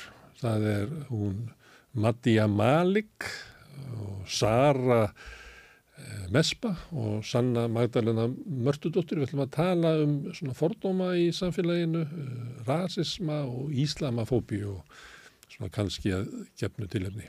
En uh, áður en að því kemur að þá ætlum við að taka svona aðeins stöðun á þessu hérna Sigurjón bróður minn hérna meðst nú verið að minna talað um, um svona flokkana og fleira núna áðan heldur en að maður hefur ætlað. Já, Já, tölum nú talsist um pólitíkina. Já, að tala það- svona um samfélagið Og og getur leysi ríkistofnarinn, það var svolítið, eða áhuga leysi. fyrir, fyrir ekki leysi, stjórnleysi. Mm. sem að er uh, gera alla vittlösa nema náttúrulega uh, þá sem að sitja við ríkistáttaborðið þau Já. upplifa Heldur þessi ég, hann vitlusir. Já, en að því að svolítið tala um sko útlendingamál, Já. var hérna eh, viðtal sem að var í, hvað heitir það hérna, þátturum á föstudugum á MBL sem að Stefán Einar er með Já, á mm, spursmál, spursmáli. þá kom hérna Guðmundur Ingi Guðbrandsson, félagsmálaráðura Mm. og það viðtal var stórmerkilegt því að þar er hann ráður af AFG Og varaformaflóksins. varaformálóksins raunverulega að taka undir sko flesta því sem að Stefán Einar bara borð. Að hérna væri svona ákveði stjórnleysi í málafloknum, við verum að taka á móti allt á mörgum, það gengi ekki að, að lögin hér væri öðruvísi heldur við næstu löndum. Og, og mér finnst það bara magnað að hlusta á þetta. Já, já. hvernig sko ráðamaður í Vafge eiginlega bara uh, tók upp uh, útlendingastefnu Bjarnar Byrðissonar Já, bestastaða það var eins og var ég bara að sækja um hérna í flokknum.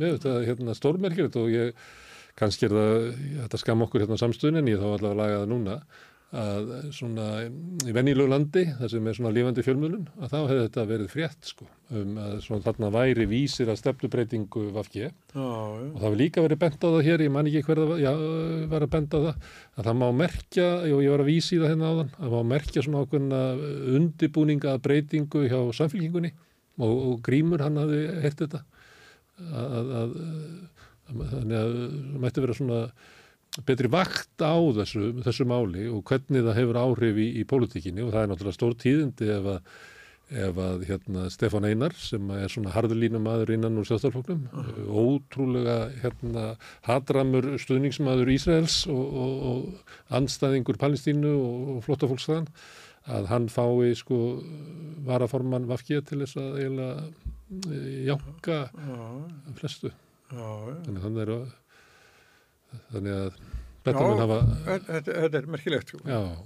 ætti kannski að hlusta á þetta vital, en, en það er, sko, sko, staða vafki er, er alveg ótrúlega veik og vond. Já, hún er jafn veik í bæði hjá Maskínu og Gallup að því að Gallup er svona mánaðakönnun það er svolítið erfitt að og, og mér skil, hafa komið fram svona fréttir um það eða svona verið að menna hafa orðað það að það séu, svona, að það séu breytingar innan mánaðarins að því þú tekur alveg heilan mánuð Já, já. svo smyrða svona saman. Maskína kom þarna upp úr miðjumánuðinum og þar var til dæmis samfélgiki með 25 en ekki 30 Já, Þar var eh, viðreist munherri heldur en nú er í hjá Gallup. Já. en það mun vera uh, það er alltaf þannig að viðreist mælist herri hjá maskínu heldur en já, Gallup, það er bara krónist uh, en það er tilnýjingin er svo að ég myndi vilja sjá næstu Gallup hvort að hérna, samfélgiki sem ber að rýsa aftur. Það var engin merkjum það hjá maskínu. Og þetta gerist að þú þekkir það það gerist stundum að slær svona aðeins engan En það sem að hefur verið að gerast í haust er eh, hægur og örugur vöxtur miðflokksins og svo núna fannst mér þetta mjög góð könnu fyrir flokk fólksins þótt að þú hafi verið að hamra eða sérst að þrengja aðlum með jólum með það að þessi tveir flokkar í stjórnarastöðinu þeir held ég sér ánaði með sig en píratar og viðrist bara alls ekki sko. Nei, nei, nei. nei.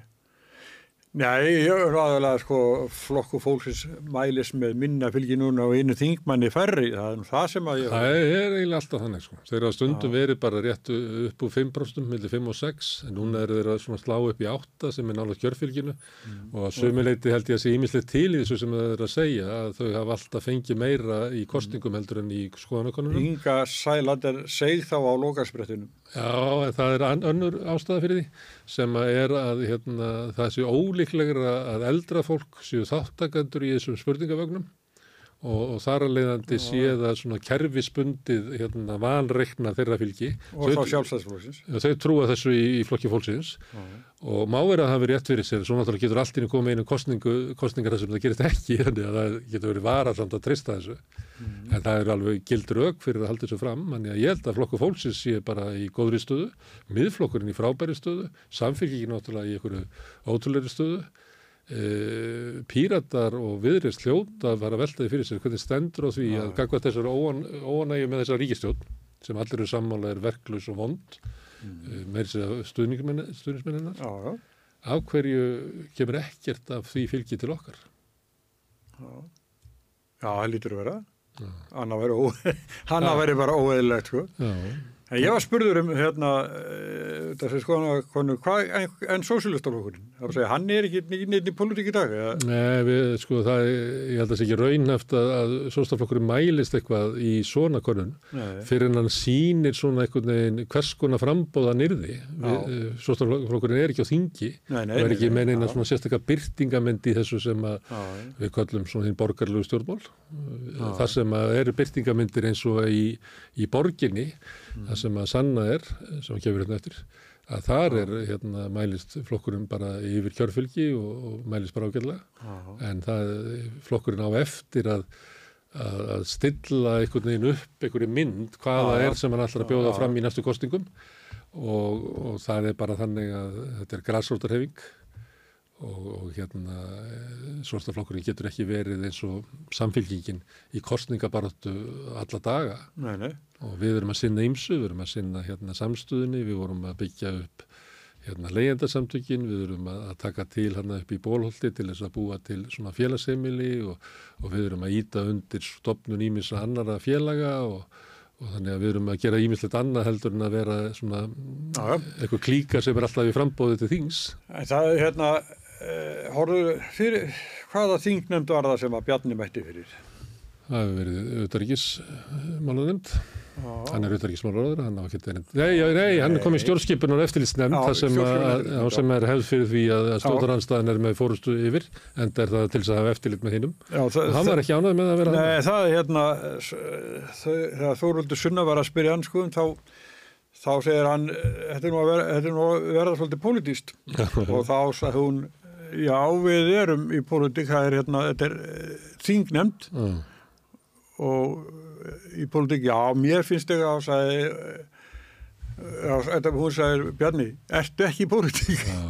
Það var svona, það einhvern tókti spurninginar og leiðinar. Já, þetta er nú svona þau eru bara, hvað er pólitík að horfa með svolítið ólíkum hætti, sko, þetta er náttúrulega stjórnskipun eftirlitsnefn sem ætlaði að hafa eftirlit með jú. og það á að vera svona einhver leiti svona faglegt og svo er pól, það sem hann er að segja, er þetta bara pólitík?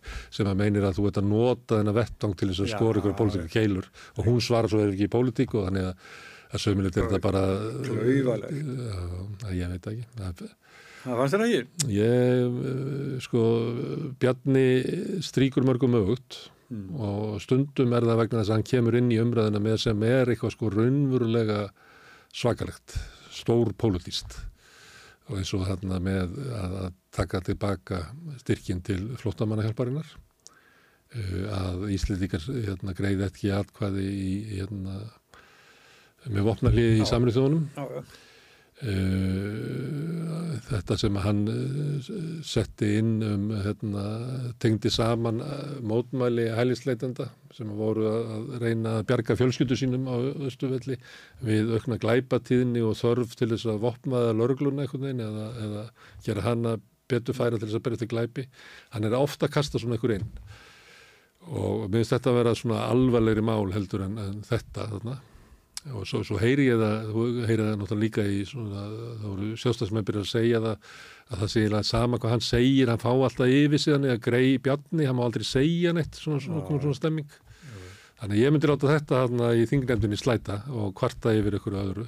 Það sem hann sagði til þess að á tröppunum á bestastöðum síðallið vor er náttúrulega hefur gefið taktinn í, í þessa umræðu um hælisleitu Já, já, já, já. þannig að Já, já, hann er með það. Hann, hann, hann laði á stað, tók hægri beigju. Já, og svo hvernig hann er að skipa vini sína í sendiherrastöður, búa til sendir á til þess að launa einhverju manni þjónustuna inn í hérna, og hann gerði við hann Guðmund í fjármálundinu, bjóð til bara sendir á því í, á Ítalju sem bara enginn var að byggja um. Ég veit að fólk sem að býra á Spáni, Íslandikar, það eru mjög bara heilu herskararnir af fólki sem að býra á Spáni, þau myndu vel að fá Íslandst sendiráð. Já, já, já, það er greinlega mun fleiri Íslendingar hættur en Ítalíu. Það, það er bara, það er þannig. en veistu okkur að sendiráð er búið til á Ítalju? Já, Já. við komandi var er svo góður ítölsku. Já, það er náttúrulega er ekki, Nei, þetta er náttúrulega, og talaði, það var, nú, var ekki grímur sem var að segja það sko, að það er bara hvað einhverjum dettur í hug, einhverjum ráðra, að það er stefnan sko, Já, já, að því að einhverjum dettur í hug að hann vilji launa einhverjum sem hafi verið ráðundistjóri í honum í tíu ár já, og hvað myndið þú vilja fara, já, það var nú gaman að vera á Ítali og góð vín og svo náttúrulega skilja málið og já, og þá skelluðu bara sendir á þar, þetta er náttúrulega spillingavísit hann komið í vikunni, við tölum ekki um það, já, við tölum ekki það. Nei, við sígum þar niður. Já. Og undrar engan. Jó, stjórn, hérna stjórnmálafólkið sem að telur að það sé að tryggja hér, hvað segir Katrín, hérna, stöðuleika, Já, með því. fyrir sjáanleika. Nei, það var já, hún sagði það.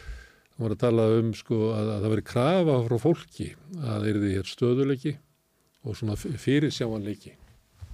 Og Með þessar ríkistöld. já, máttu skilja það. Já, en verður hún fórsetið?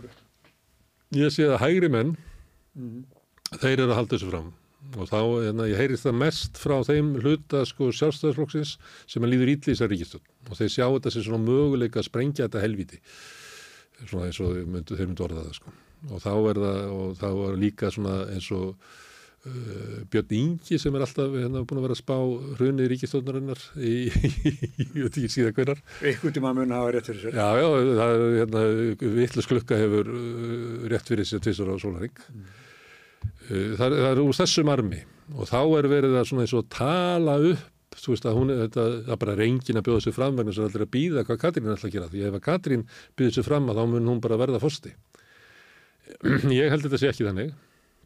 Ég held að bæði að, að hérna, til þess að fara úr pólitíkinni yfir í fórsta þá þarftu svona smá pása á milli, að vera að líða ykkur nokkri mánuðir. Það sé ekki að það bara stíga upp úr gríðalögum átakamálum og fara í fórstaframbóð. Ég held að það sé bara, uh, og svo held ég að bara uh, svona persónulega innegnin hennar, hún sé eiginlega bara að gufa upp og ég veit bara ekki hvað mikið eftir aðinni, eins og sést náttúrulega á fylgi Vafki, sem að reyndar er þannig að persónu fylgi Katrínar hefur eiginlega aldrei endur speglast inn í fylgi Vafki og, og þannig að uh, Vafki hefur ekkert grætt á því að hafa svona vinsælan hérna, fórstumann en svo skoðar það hvar liggja vinsaldirinnar þá er hún meira og minna svona hægra megin eins og sérst núna bara hverjir er það sem að verja hana og tala um þessu svo góðu verkstjóri og svona, þetta er allt bara fólk einhvers þar í, í hægrinu. Þannig að það hjálpar ekkit vafki þetta er svona svipað og ef að sjálfstæðsflokkur væri með eitthvað sko formann sem að allir vinstri menn verður rosalega lánaði með en ekki hægri menn. Þannig að hún er eitthvað svona mjög furðulegt Já. fyrirbríð stjórnmálum og svo náttúrulega hefur hún verið að rekana flokk, hún tók við flokknum þegar Stengrimur treysti sér ekki í kostningar þar sem að flokkurinn mældi sem 8% fylgi, nú er hún með 5%. Uh, ég held, sko, ég er eðlilegum flokki sem bara heilbriðu flokkur, þá er ómúgulegt að, að henni er þið stilt upp sem hérna, fórustumann í næstu kostningum. Já, Það er bara, og það verður ekki, og það er sama á við um Bjarna og Siguringa. já. Já. Ég held að ef að Katrín myndi bjóða sér fram til fórseta, Mm. það er þið vand fundin frambjóðandi sem myndi sigra hana. Ég, sko, eins og þegar hérna, Guðni kemur, þá kemur hann inn í andrum þar sem að gat uh, orðið þannig að við verðum að fara að kjósa mellir Ólarsson Grímssonar og Davís Oddssonar. Og þá er einhvern veginn svona stemmingin í bara, nei, vá, við nennum þessu ekki. Þannig við viljum bara eitthvað allt annað. Og það getur vel verið ef að, ef að Katrín hérna, stígur fram með hérna, allan stöðuleikan og allt það og segir ég við viljum að fórseti að þá sé bara þú veist, ef ætlum við að framlengja einhvern veginn tíma Katrínar hérna einhvern veginn, þú veist COVID-ið og þú veist þessi ríkistjórn og, og þá getur við verið komið bara einhver allt önnur típa. Og þetta gerist hérna þetta gerðist hjá 68 og þá kemur svona einhver innan úr valdinu sko tengda svona fyrrvendi fórseta Já, og þá segir þjóðu nei, við viljum bara eitthvað allt annað. Og sama kannski með hérna Óláð Ragnar að þá eh, hérna, bóðu upp á svona rosalega fórsetalegt fólk að þá bara vildi fólk eitthvað annað, vildi bara svona smá meira stuð eða eitthvað sko. Þannig að ég, Já, þessi er mjög erfitt að ráða í þjóðina í fyrstakostungum. Myndur þú hvað sér? Erfitt að ráða, hvernig, að því að einhver leiti, þá er svona þjóð, eins og þjóði sér að tala sér niður á einhverja niðurstöðu sko. Ég, Já. En það er hérna, ég held sko að ef hún myndi gera þetta, þá myndi fenna mér fljótt yfir sko hérna ríkistöndina þessa. Í, ég myndi bara hætta Nei, ég segir í sko ímyndin sem kæmi með Katrinu sko. Þá kæmi svona þessi þægilega nærvera sem hún hefur nú Mm. og, og, og svona mælsk og ég held það. Já, það verður eftir því sko hver talar sko, ef þú talar um svona þá sem að hafa það allt í lægi þeir getur verið á þessu, en ég held að það sé bara svo margir sem að út af þessari verðbólgu, þessum vöxtum og erfileikum í efnaðsmálu svona uggur í fólki ég held að það sé bara miklu, miklu meiri heldur en að, að sko byrtist í samfélaginu. Og einhver leit er það vegna þess að sko fjölmilanir eru náttúrulega byrt okkur bara mjög bara veika mynd af þessu Já. samfélagi sem við lifum í. Já, og hérna það er það, ég sko, að þetta er svo ólík hlutverk en Mm. hæ, hætti að tala um það kannski. En og þessir sko formenn flokkana þryggja mm. þeir, þeir geti annað en verið í óstuði þeir hljóta að vera með hnút í maganum með við fylgjastölur að, að sa, samfylkingin ein er stærri en allir stjórnarflokkanir Mm. og það er annað hægt en, en að þetta fólk sem er magapínu. Og ef ekki þá er það bara á raungu stað í lífinu En svo bregst það svo á, hérna, það er ekki þannig að bregðist við og segja, býtu, hvað hef ég gert? Nei, mér er enga þeir að gera það. Nei. Það kemur auðvitað eins og oft er þegar eitthvað, hérna, er svona hrun einhvers staðar, alveg sama hvort það sé sko þjóðkirkjan eða, eða hvað sem er sem er undir svona álægi. Þá kemur oft svona, já, það sem við þurfum að gera er að, er að vera betri í því að, að kynna okkar málstað. Þetta er með að fólk segja, Já. En það getur bara vel verið að sko málstöður að sé bara ekki að, að, að ná í gegn sko. En Það er þess að sjálfstæðisflokkurinn segir þetta. Við verðum bara að vera dugleiri að kynna okkar stefnu. já, já. Ég meina, stefna sjálf, er einhverjum á Íslandi sem er bara, ha, hvað séu sjálfstæðisflokkurinn? Hvað, þú veist, það er ekki tannig sko. Nei, nei, Það vita allir, líklega þeir sem eru utan sjálfstæðisflokkurinn sem vita betur hvað sjálfstæðisflokkurinn er heldur þeir sem eru inn í honum. Þannig að það er ekki þannig sko. Nei, nei, nei. En, en ég menna, ef þú ert þannig inni, að þá byrjar að selja þetta og þú byrjar að tala um hvað þessi ósangjart, þess vegna kemur þessi hugmyndum, það er alveg saman hvað Bjarni segir, það er alltaf ráðist á hann, við erum undir svona, Já, já, það er byrjar að búa það til núna. já, við erum bara undir árásum hérna, sko, í litlu fórnulömpin. Loft árásveitnir eins og sem þú Davíð kallaði. Já, þannig að þeir sem er í böngarnum og ég, það, það er líka böngur í Vafki sem að segja, já, Katrín, þó svo að sé enga sko, en að það mátti lesa út af skoðanakonunum einhver tíman, en það bara er ekki lengur sko. Nei, nei. Þannig að eh, hún er dragbítur fyrir VFG. Þú getur ímyndað þar, nei, í alvöru, ef þú horfir á leiðina sem hún fer, það er hún sem að velur að mynda þessa ríkistjón, tvísvar. Og ef, ef, ef, ef þú væri, seg- segjum að þú væri reyfingin VFG hérna, fyrir hrun, sem að nær hérna, þessar frábæru kostningu 2009, leiðin sem er síðan farin undir hérna, fórustu VFG og þú nú ertu með 5,5% fylgi hætt af að þú veist að leysast upp. Ef þú byrju hverjir eru farnir hérna úr herbyrkinu og þú getur bara talið upp sko bara frábæra þingflokka sem hafa bara yfirgefið flokkin það hlýtur ykkur að segja byrju var var þetta leið sem að reyndist okkar reyfingu vel? Nei, nei. en það er kannski er engin eftir í herbyrginu sem spyrir þessu. Þess að þau sem var já Katrín. Að því hinn eru farnir sko. Já, já. Og svo er það framsvonarflokkurinn sem er floknara, það er náttúrulega hlýtur að vera óþólandi fyrir Sigur Inga sem að hérna, fór í frambóð á móti Simri Davíð. Og til þess að segja það að, að, að framsvonarflokkurinn ber betur borgið undir minni fórstu og það leitt um tíma að svo væri. En núna er bara komin önnur stað þannig að nú er Sigmundur bara með töluvert meira fylgi heldur en Já. Sigur Ingi. Og þá hljóta framsvonarmenn að segja byttu Já, ég Sigur Ingi, þú lofaður okkur því að við myndum hérna hérna ná að samin alla framsvonamenn undir þína stefnu og að uh, þú myndir hérna sína fram á að, að hérna, flótta fólki sem að fór með hérna Simundi Davíð hefði gert að ranga, tekið ranga ákvörðun hvað er árangurinn?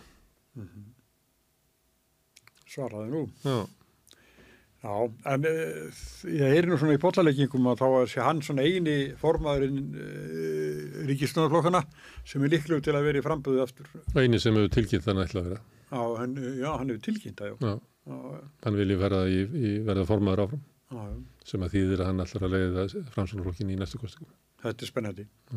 Herðu, þú Já. ert að fara að taka hans í Já. me merkileg viðtölu nöttir. Já, ég ætla hérna, að- er svona smá saga bak þetta. Ég Já. var hérna í, ekki síðustu vikundu þar áður, þá var ég svolítið mikið að tala um hælisleitendur og rasisma og öðru slíku. Ég fekk inn sko fólk sem að vil sko stórfækka hérna innflytjendum á Íslandi og hælisleitendum og þegar maður var að hlusta á það þá áttum að sjá því að þetta er mest svona bara kallar okkar aldrei sem er að segja þetta og hérna ekki beint svona fólk sem hefur insýn inn í þetta.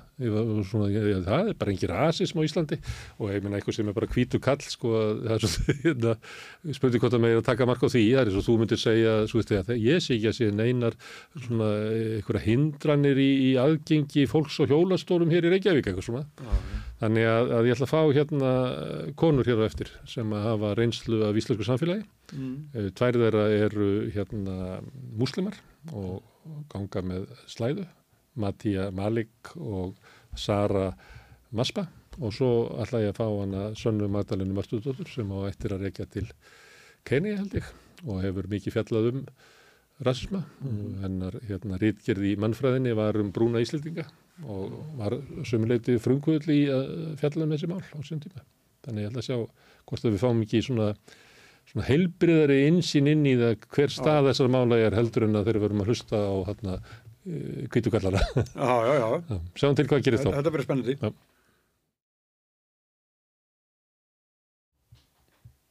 Verður nú ætlum við að ræða aðeins um já, fordóma eða rasisma og íslamafóbíu og eins og ég sagði hérna áðan að þá er eiginlega tilefni þess að ég var hérna í þar sístu viku svolítið mikið að ræða um málefni hælisleitinda af svona gefnu tilefni af, af Facebookar fæslu Bjarnar Benediktsson sem kveikti svolítið í umræðina og hinga komu Já, það voru reyndar fyrst og fremst menn eða karlar sem komu hérna og voru að tala fyrir því að við ættum að taka á móti færra fólki og voru að tala um svona skadaleg áhrif innflýtjenda á samfélagið. Og ég spurði reglulega um, um svona rasisma í samfélaginu og mér fannst þau vera svona frekar að hefna því að það væri nú ekki svo mikil rasismi en að flestir væri ekki rasistar og þar hann til gottunum með þeir voru náttúrulega því merki brendir að þeir voru allir getið kallar og kannski er ekki bestir til þess að spörja um, um rasisma. Og bara til þess að ná þessar umræðu því að við verum náttúrulega líka en við sem að tala um uh, hælisleitundur og fjöld og annað slikt þá verðum við náttúrulega líka ráða við að tala um fordóma, rasisma og islamafóbíu í samfélaginu. Að þá hef ég fengið hingað þrjár konur til að koma hinga. Það er Sanna Magdalena Mörtudóttir sem er borgarföldrúi. Uh, Sara Mespa sem er starfskonna í samrændi mótöku flóttafólks hjá Reykjavíkuborg og Mattia Malik sem er háskólanemi. Herðu, að því að að sömuleiti er hérna umræðan um hættu af innflýtendum beinist fyrst og fremst að fólki frá svona miðausturlöndum og löndum Íslam. Og ég átti vinkonu sem var frá Angóla þegar ég var í París og hún var náttúrulega blökk á hörund eins og Afrikubúi og hún sagði ekkert um að við mig það sem að gerðist sko 2001 við áriðlun og týparatöfnuna að við vorum alltaf neðst við Afrikabúanir í samfélaginu í París. En nú eru við ekki neðst af því að nú eru muslimannir komin neðst. Það er standur mest ógn af þeim. Mm -hmm. hérna ef ég má spyrja þig Sara eh, myndur þú segja að þú verður, verður varfið þetta bara í þínu daglega lífi? Að það veri litið á að, að fólk eins og þú að okkur stæði einhvern veginn ógnaðum að við ættum að hafa varan á? Um, reyndar mér finnst þetta er svona allt fjölmiðlum hefur mikið áhrif á svona uh, fordómum og svona hegsunar fólki við svona islam, muslimar ja. fólk og þetta er mér, ég er að vinna með flottu fólki ja. sem eru svona muslimar og líka svona uh, folk líka sem eru að bara flýja Islams uh, ríki. Så þetta er svona mjög, mjög öðruvísi en samt ég held þetta hefur uh, því miður haft uh, áhrif mm.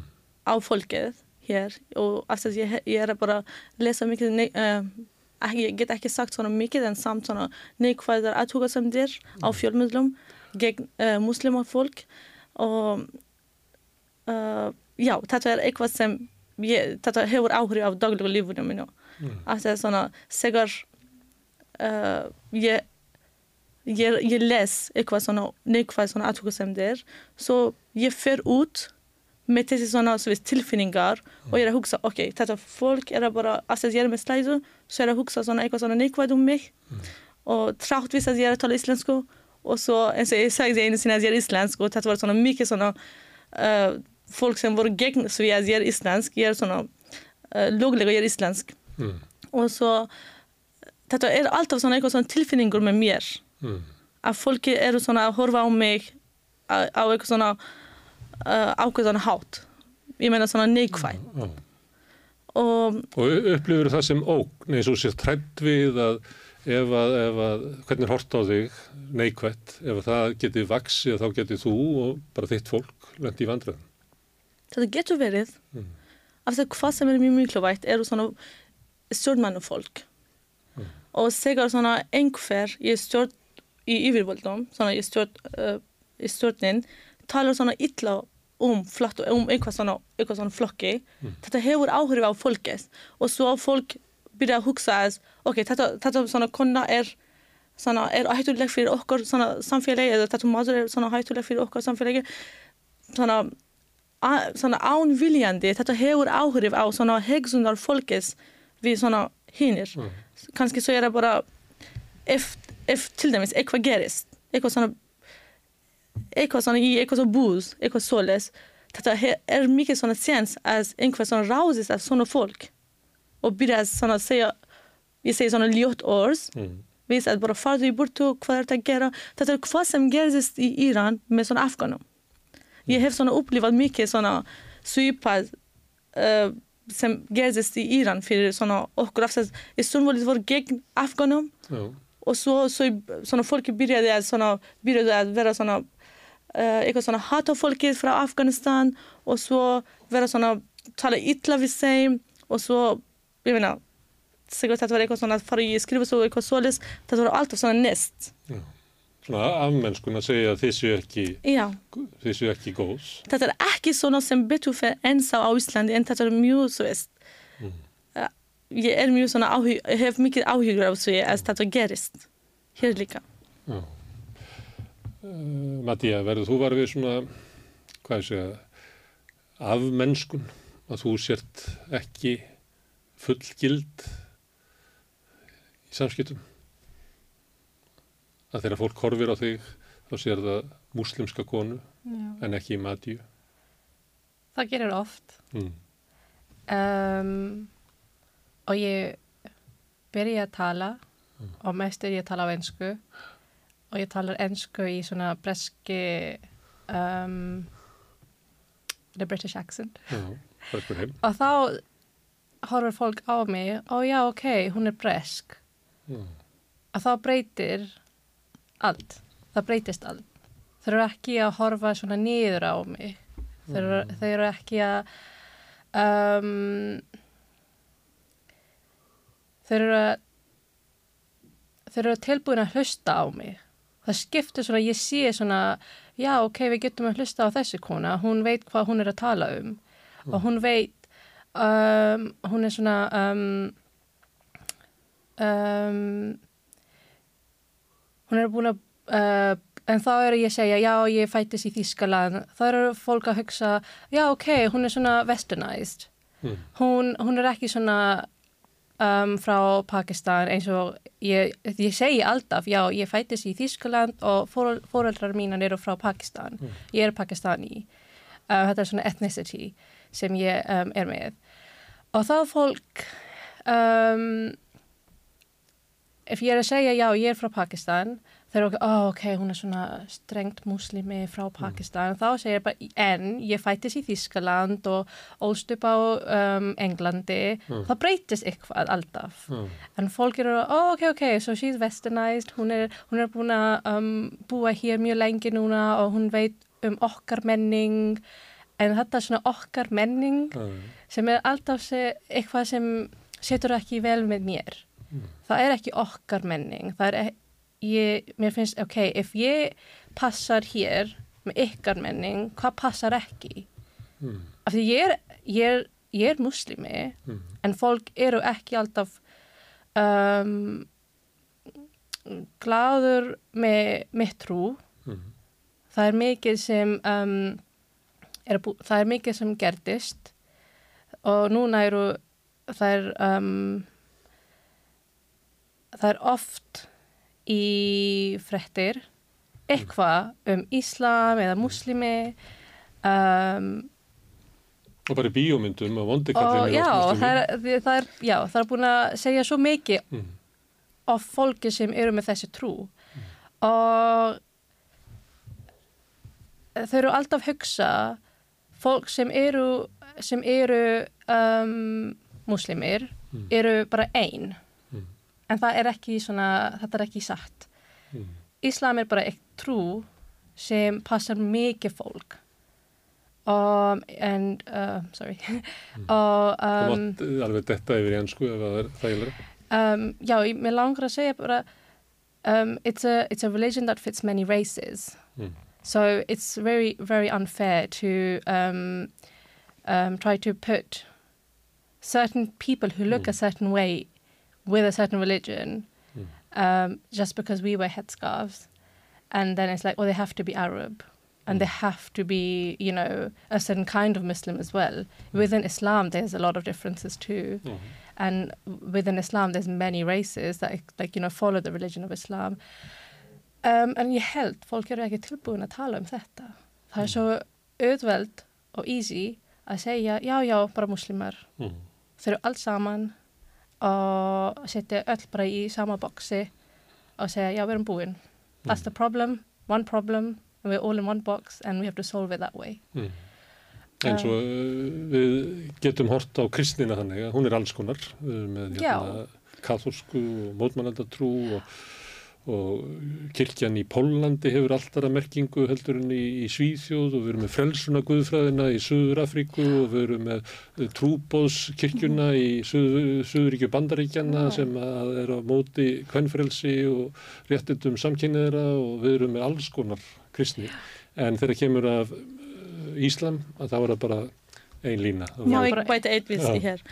Uh, Þegar ég segi svona fjölmiðlum hefur mikið áhrif á svona viðhorf fólkið. Já. Mér, uh, ég, mein, ég meinti að til dæmis svona um fréttanum, í fréttanum, þetta ef eitthvað svona frá e- einhver sem er muslims gerir eitthvað svona glæp, þetta kemur svona fram. Þetta er muslims, svona, þetta er muslimi frá Afganistan, þetta er muslimi frá, eða bara eða svona kartmósi sem er muslimi, gerir þetta glæp.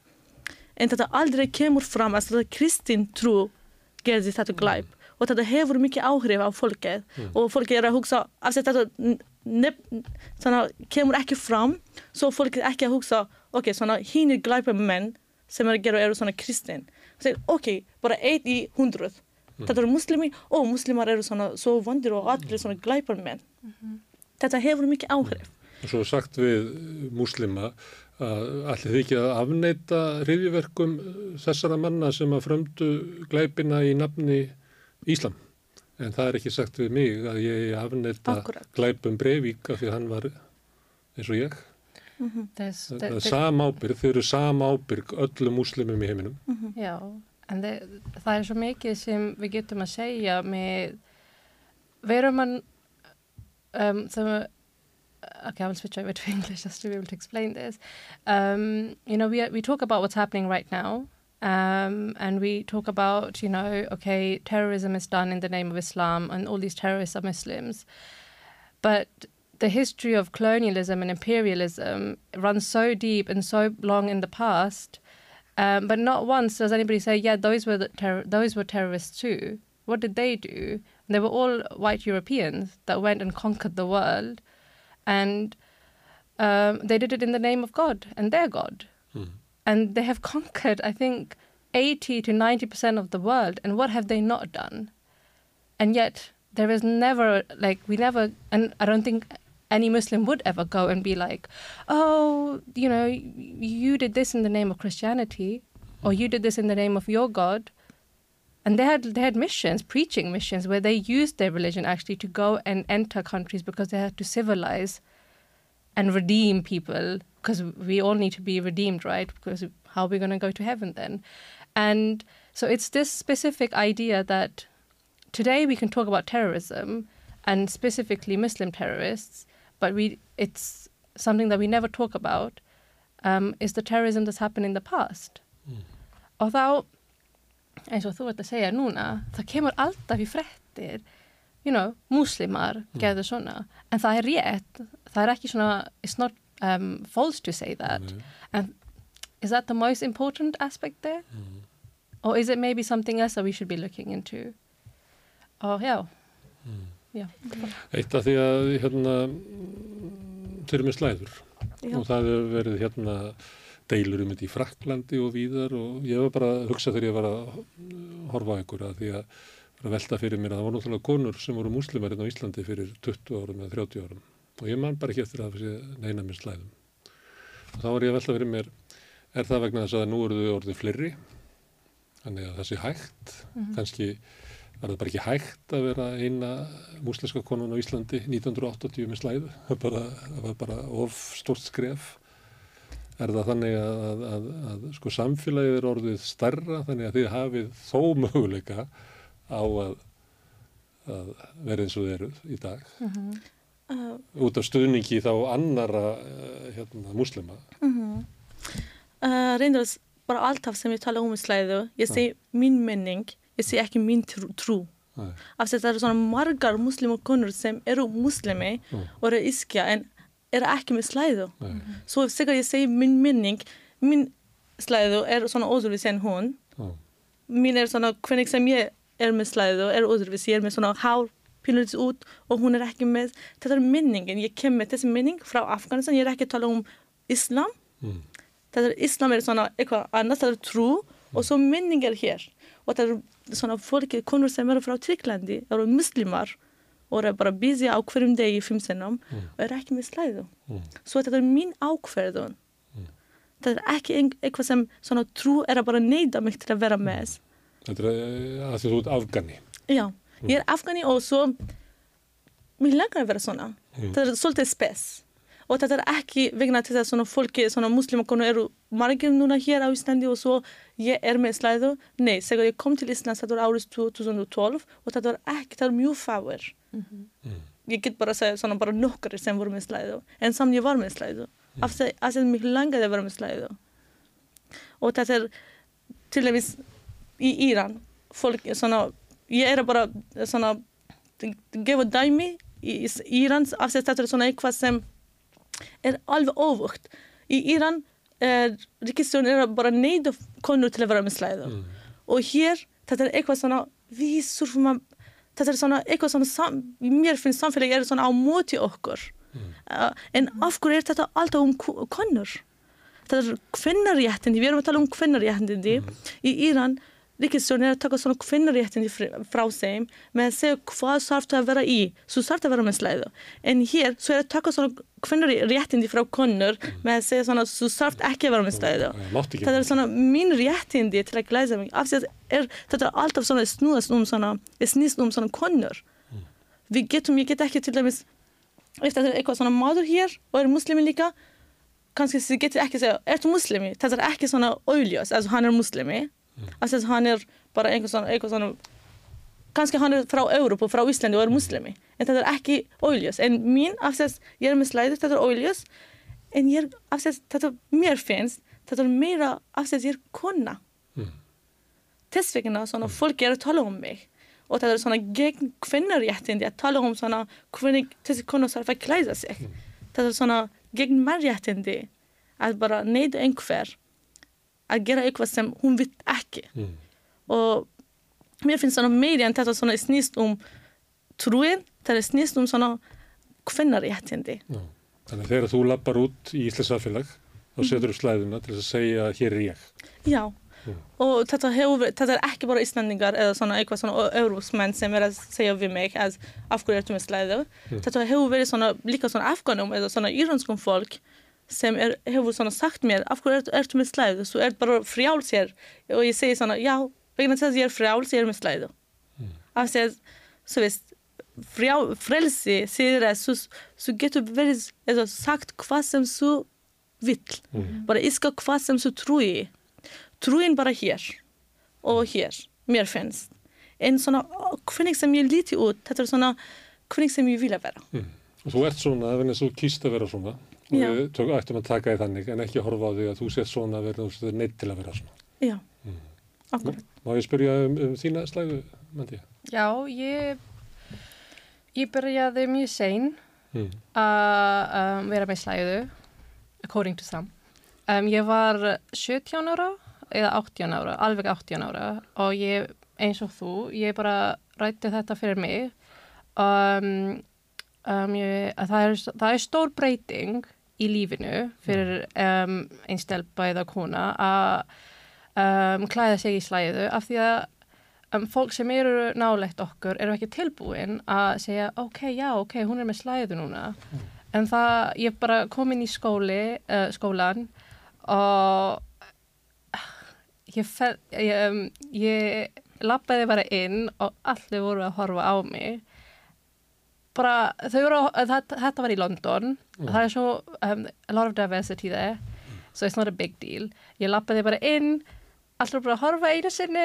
Ok, hún er núna með slæði og bara halda áfram. Og hér stundum ég, en enginn er búin að um, sjá mig með hárið úr eða eitthvað hér. En ég, ég getur verið bara í bónus og allir að horfa á mig. En það er stundum svo óþægilegt að bara að gera eitthvað svo normal. að bara fara út að kaupa inn en ég var um, þetta er svona kannski fimm ár síðan ég var að kaupa inn og var í rauð að borga og það er stelpa sem var að um, afgreisla já, afgreisla kona sem var að gera það hún um, hún var að gera hvað hún er að gera og horfa á mig og bara halda áfram og horfa á mig og halda áfram og þá er ég komið að borga og hún segir við mig er þú ekki heitt? Við erum á Ísland, ég er ekki heitt hér. Og já, um, ég skil ekki hva, af hverju þú ert með þetta hér bara, ég þarf ekki að svara það. Þetta er bara, ég er, fri, ég er frjáls hér, ég má gera hvað mér langar að gera hér. Og hún, hún var að hún, ég held henni langaði að halda áfram að tala um þetta. Þá kom svona um, mamma hennar, hún er að vinna þarna líka og bara hættu að um, um, Áreita konu. Já, og þá hún bara svona, já, já, já, ok, en bara halda, ég, já, þá fór ég, fór ég, en þetta var svona fimm ár síðan, en þetta er ennþá í hjartan mín. Það fer aldrei, ef einhver er að tala svona við mig, það fer aldrei, það er, en I don't dislike the girl, and I don't have anything against her, but it's more what she said that stays in the heart. Um, og þá eins og þú ert að búin að segja, það er svona neikvægt svona tilfingin sem er bara hér alltaf þá. Og þá hugsa ég if um, which I don't try to do but it happens is when you then project that onto the wider, wider popula population. Because then you think maybe everybody thinks about me like this and maybe they all think like I must be like oh, how stupid is she to be like wearing a headscarf in Iceland why does she do that so it's just that En þú segir að, að á Íslandi má maður vera eins og maður er. Já. Það er ekki alveg þannig. Og í þessari sögu þá kemur það fram að það er ekki þannig. Ég má vera eins og ég vil vera. En þú mátt ekki alveg vera eins og þú ert. Því að það getur einhver sem er afgreðið í bónus eða einhver út á götu hort einhvern veginn á þig eins og þú meigir ekki vera eins og þú vilt vera. Já, Mhm. um, þetta er alltaf bara á blað. Já. En hvað við... Það er svo réttindin að Já, vera- að við erum vera á með blaði. sama réttindi, ég og Sanna og þú, við erum allt með sama réttindi. Mhm. Og já, það doesn't truly reflect in our society. Um, en þess vegna, mér finnst, við erum að spjalla núna saman Mhm. og vonandi að breyta það smá, bara Mhm. one step at a time. Um, er, um, I'm a first gener generation immigrant now in Europe. My parents immigrated here um, to Germany. Og þá barnið mitt er núna second generation immigrant. He'll always be an immigrant though. As much as he'll want to say he's Icelandic because he was born here, all- he'll always be classified. And hopefully my hope and like, you know, wish will always be that that changes. That people will not always ask him, æ, hvaðan ertu frá hann segir bara, hann, hann ætlar að segja já, ég er frá Ísland, ég fættist hér nei, en hvaðan ertu? Já, en vilt ekki hann sé Íslendingur og Pakistani? Hann segir hann er Íslandingur Og vi, hann vill ekki vera Pakistani? hann er sex, hann er sjör ára hann er ekki búin að hugsa um það en ég stundum, ég segir þér á mig, ég stundum depending on where I am ég ræði hvað ég ætlar að segja Mm. Stundum segir ég bara ég er þýsk. Og þá er fólk að ok, ok, hún er þýsk. Og stundum segir ég bara já, ég er pakistani fættist í Þýskaland. Og stundum, stundum segir ég ég er bresk. Af því ég ætlar að tala um ég talar á ensku. En þá eru einu sinni ég var atna, á Valhúsalíð með börnin uh, við vorum að spila fótbolta. Og þá kom ein maður sem var að lappa með hund og hann spurði mig, ó, er þú flotta fólk um, are you a refugee here? Ég bara, nei, ég, ég er bara hér að búa og hann bara, af hverju? Um, ég bara, ég, maðurinn minn var hér og ég giftast hann og þá flytti til Ísland og hann sagði við mig um, að ég var búin að segja ég fættist í Þískaland og fóraldrar mín eru frá Pakistan og ég ólst upp í um, Brettlandi og hann sagði við mig you have to always say you're British. Otherwise you confuse people. And I was like oh okay. En þú segir stundum hún sér þýsk, stundum pakistani, stundum bresk en íslensk. nei ég segir ekki ég er íslensk. Yet. Mm. ég held ef ég af því ég er búin að hugsa um að fá mér um, um, um, íslenska ríkis Borgarir. borgarir, rétt. Og ég er að hugsa um þetta. Eftir ég er búin að fá það ég held ég get, ég get segið ég er eins og þú varst að segja ég er íslensk en ég er um, in my opinion if you want to be a national of a country, it has to have meaning behind it. Some of us are just born in a place. That doesn't always mean anything. You could be born in a place and never be part of the society. Ég- ef sonurinn segir ég er íslenskur. Já, hann segir hann er íslenskur og mér finnst það ég er búin að vera hér tíu ár en mér finnst ég er bara um, I've put down roots here I've had my children here and once I've um, and I think once I've get the national getting the like the citizenship of Iceland will be like a big step for me to take because then there's a lot of loyalty that lies with my German citizenship because they gave my parents asylum and it changed my life. Germany giving my parents asylum made sure that I was educated and I had freedoms and that I was able to then have children here that now um, will never know what it means to go through certain traumas. It breaks a cycle of trauma. It breaks a cycle of um, um, feeling less and inferior to people. Or that for some people that's the world to be able to have that option.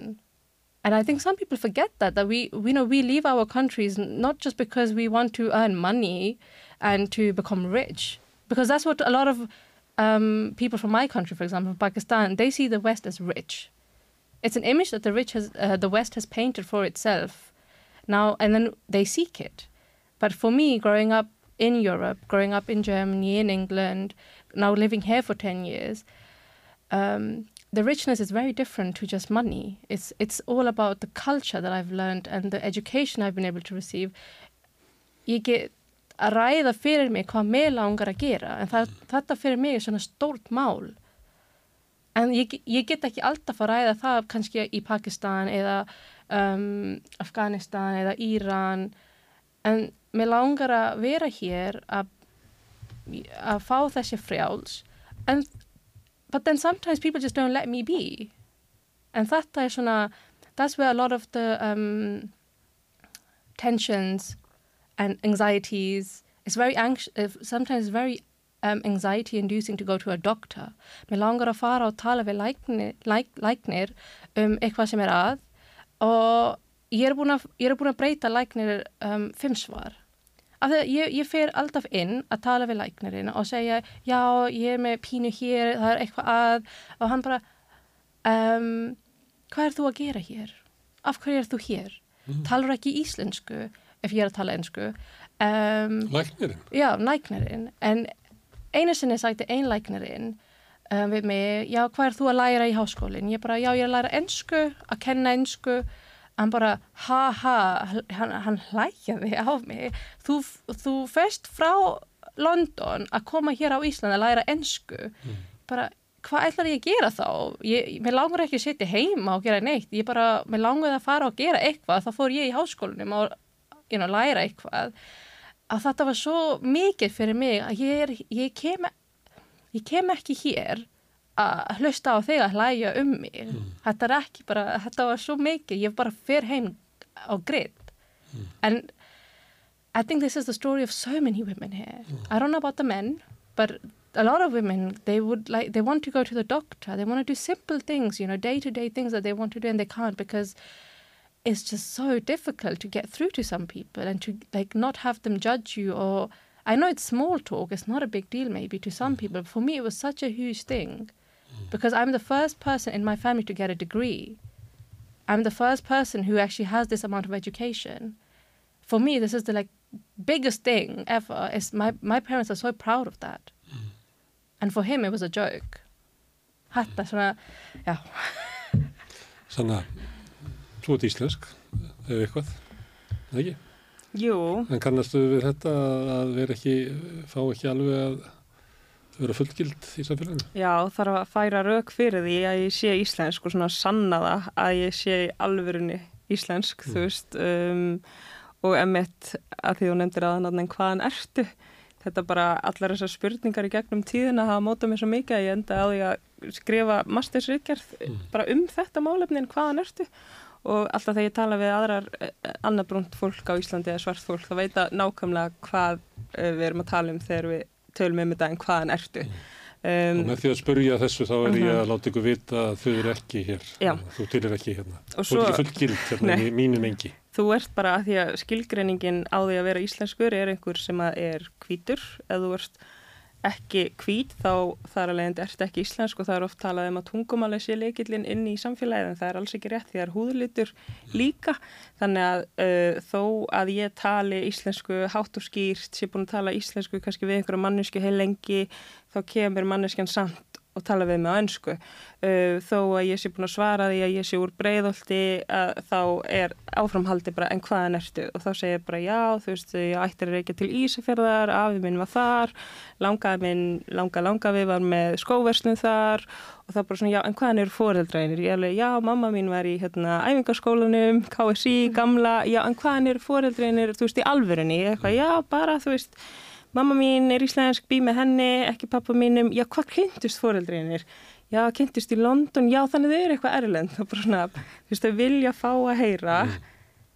Pappin er svartur, hann er frá Afríku, hann er frá Tanzani og þess vegna ert þú ekki 100% og þegar maður er búin að útskýra fyrir einhverjum bara einhverju ókunnu fólki sem þekkir maður ekki neitt að þá fær maður þetta svona inn. Um leið og maður útskýrur hvaðan þessi svarti litur kemur og það er einhvern veginn svona um, veist, hvað vil fólk heyra? Þú veist, ég hef svara spurningunum hvaðan ertu og sagt ég er úr leiðun á mömmu minni. Mm. þú veist, en það er eins og, þú veist, viljið að ég fara að útskýra fyrir ykkur hvernig bönni verði til? Af hverju getur brúnt fólki ekki vera íslensk? Hver er skilgreiningin á Íslandingi og hérna, og það er einhvern veginn þú veist, maður fær aldrei að gleima eða þú veist ég líti á mig sem íslenska en samfélagið einhvern veginn lengi vel vildi ekki sjá mig sem íslenska. Lengi vel hefur það breyst að því að þú dorðið þekktari. Er, uh, er heldur þessi stjól í því að því að fólk veit hvað þú ert? Já, ég held sko eftir því sem ég var borgarfjöldtrúi að þá allavega sko ef ég teki eftir að fólki fara að ná nafninu mínu þannig mm. það heyrir sanna og segir sanna mm. og það veit að það er íslensk nafn, það er ekki svona ha, sunna, er þetta afríska nafni, Hva, hvernig berði þetta fram? Það hefur henni hægt það er nú oft sko, ég er orðin vitnið að breyna fram sko, þú kallu ímsun öllum já, reyndar, já, kannski er ég orðin bara svona smá, já. svona búin að loka auðvunni og svo er henni sko að því að fólk svona uh, þekkir sögum mína, það veit að ég ólst upp með einstæðri kvítri móðuminni mm. og við vorum að ströggla og við vorum fátakar og þá hef ég svona veldi fyrir mér, ef að ég hefði verið hérna með, þú veist, ef pappminn hefði verið einstæður svartur sem heitir Shaban Vasiri ef að hann hefði verið að ala mig upp á Íslandi, ef að hann hefði verið rauðinni hjá maðurastisnefnd, ef að hann væri einhvern veginn uh, eh, fóreldrið sem væri sínilegt, ætli ég fengi jafn mikið að komast inn, þú veist ég fæ að komast inn í samfélagið af því að ég á hvita íslenska innfætta mömmu með íslenskt nafn. Og ég er líka með íslenskt eftirnafn, mörstudóttir um, já, en þetta er einhvern veginn sem maður fær aldrei að gleyma þó þetta sé búið að minga eftir því sem fólk veit kannski meira hver maður er, þá bara fær maður aldrei að gleyma og svona hérna um, ég var í búð bara með mömmin um daginn og afgriðslu konan mjög ljúf og hún segir eitthvað svona yes, can I help you with something? Mm. og ég bara vá hvað ég er spennt að svara á íslensku þegar hún er búin. Og ég bara nei takk, við erum bara að skoða, sagði þetta bara mjög hátt og skýrt og, og svo var ég bara að tala íslensku við hann og ég og mamma varum að skoða og ég og mamma mín sem sagt förum út á búðinni og ég alveg bara, vá, þetta gerist aftur. Og ég var að mynda að tala um hvaða langt síðan ég lendi mm. einhverju svona og ég held að þetta væri bara búið og loksins væri þetta hægt og eitthvað svona. Og, og mamma bara, ha, var þetta ekki kona sem bara var ennski eða eitthvað, þú veist, tala bara ennski og bara mamma, heyrðir ekki íslenskar heimin, þetta var íslensk kona. Og hlýtir að spotta það.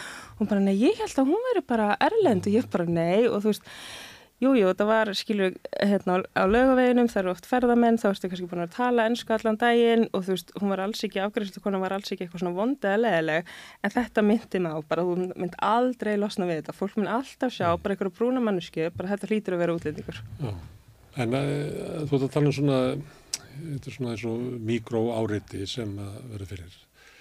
Og eitthvað sem er að hlusta okkur núna og, og hérna ég bara vera varfið að fólk á erfileikum með að eina svona átt að segja á þessu. Hvað er svona bara eðlileg forvitni og hvað er ágengni? Sko. það þú veist þetta, hérna, má ég koma við hárið á þér? Emitt, það hefur, já til dæmis, uh, ef þú ert á djamminu og finnur hendur ókunnugsmanns í hárinniðinu mm. það er ágengni. Þegar einhverjur hend, þú ert bara að dansa með vinkunniðinum og þú finnur bara hendina svona í hárinu og bara vá, ég er bara aldrei komið við svona hár áður og þú veist, þó ég hafi ekki séð eitthvað að komið við það, þá er ég ekki að snert allt sem ég hef aldrei snert á þér.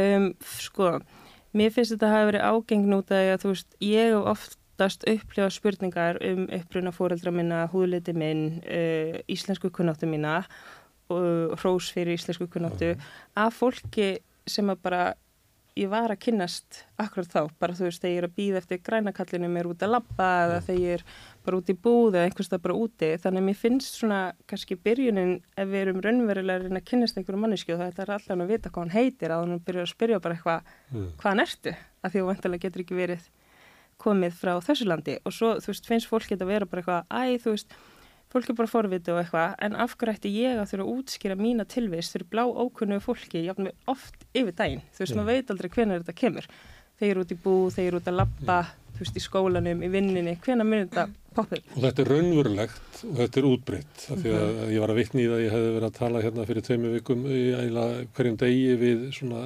kvítakalla sem voru að tala um rasismi, mm -hmm. já kannski 5% eru rasismar, rasistar, en svona heilt yfir það, Ísland er ekki rasist samfélag, nei, nei, nei, nei. Þú lærði þessu.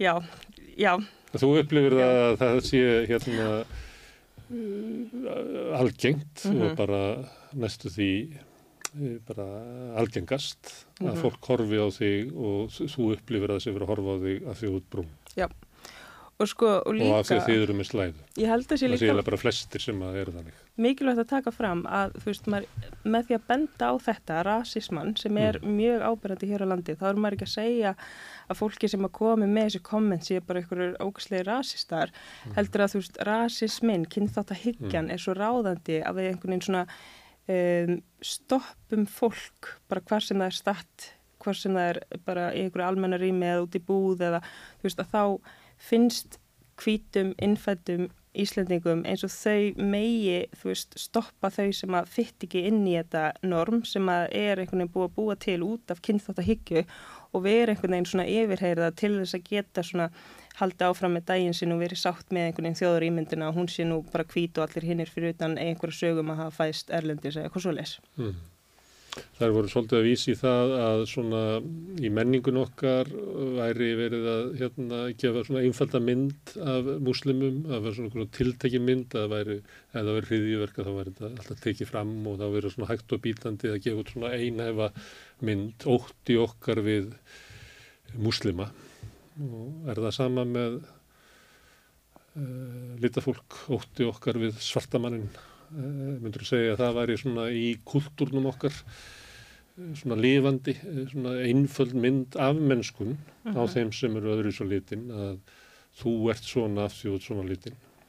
Já, ég myndi segja það sé, en ég myndi segja líka að það sé mjög kynjað og ég myndi segja líka að þú veist, það er munur á því að vera brotn á Íslandi eða að vera svartur á Íslandi. Mm. Þú veist, það er hérna, hvað segir maður, lit, litahyggjan, uh, svona colorism á ennsku, hún er Mm. alveg til staðar á Íslandi. eins og í bandaríkjónum, það sem er bara Mhm. stort atriði hvernig litur mm við er. En það er svona þessi ímynd einhvern veginn að svartir kallmenn séu hættulegir og þurfu svona að vara sig á þeim og hérna um, ofbeldisfullir, það er allavega svona ímyndin sem ég uh, tekið eftir og Það þegar ég tala skömminni annað fólk. skárra að vera uh, litu kona heldur en svartu kall. Mm, en það, ég myndi segja að sé kynferðislegri aðtáðsendir, svo ég tali Mm. bara út frá minni reynslu og út frá reynslu þeirra sem að voru í hérna e, mastersvirkjarinu minni, að þá sem sagt voru konur, þær greindu frekar frá svona kynferðislegum aðtöðsendum e, bæði bara varðandi útlit og svona mjög rauninni ljótt einhvern veginn þegar að vera bara svona e, draga upp mynd af brúnum konum, dökkum konum sem í rauninni um,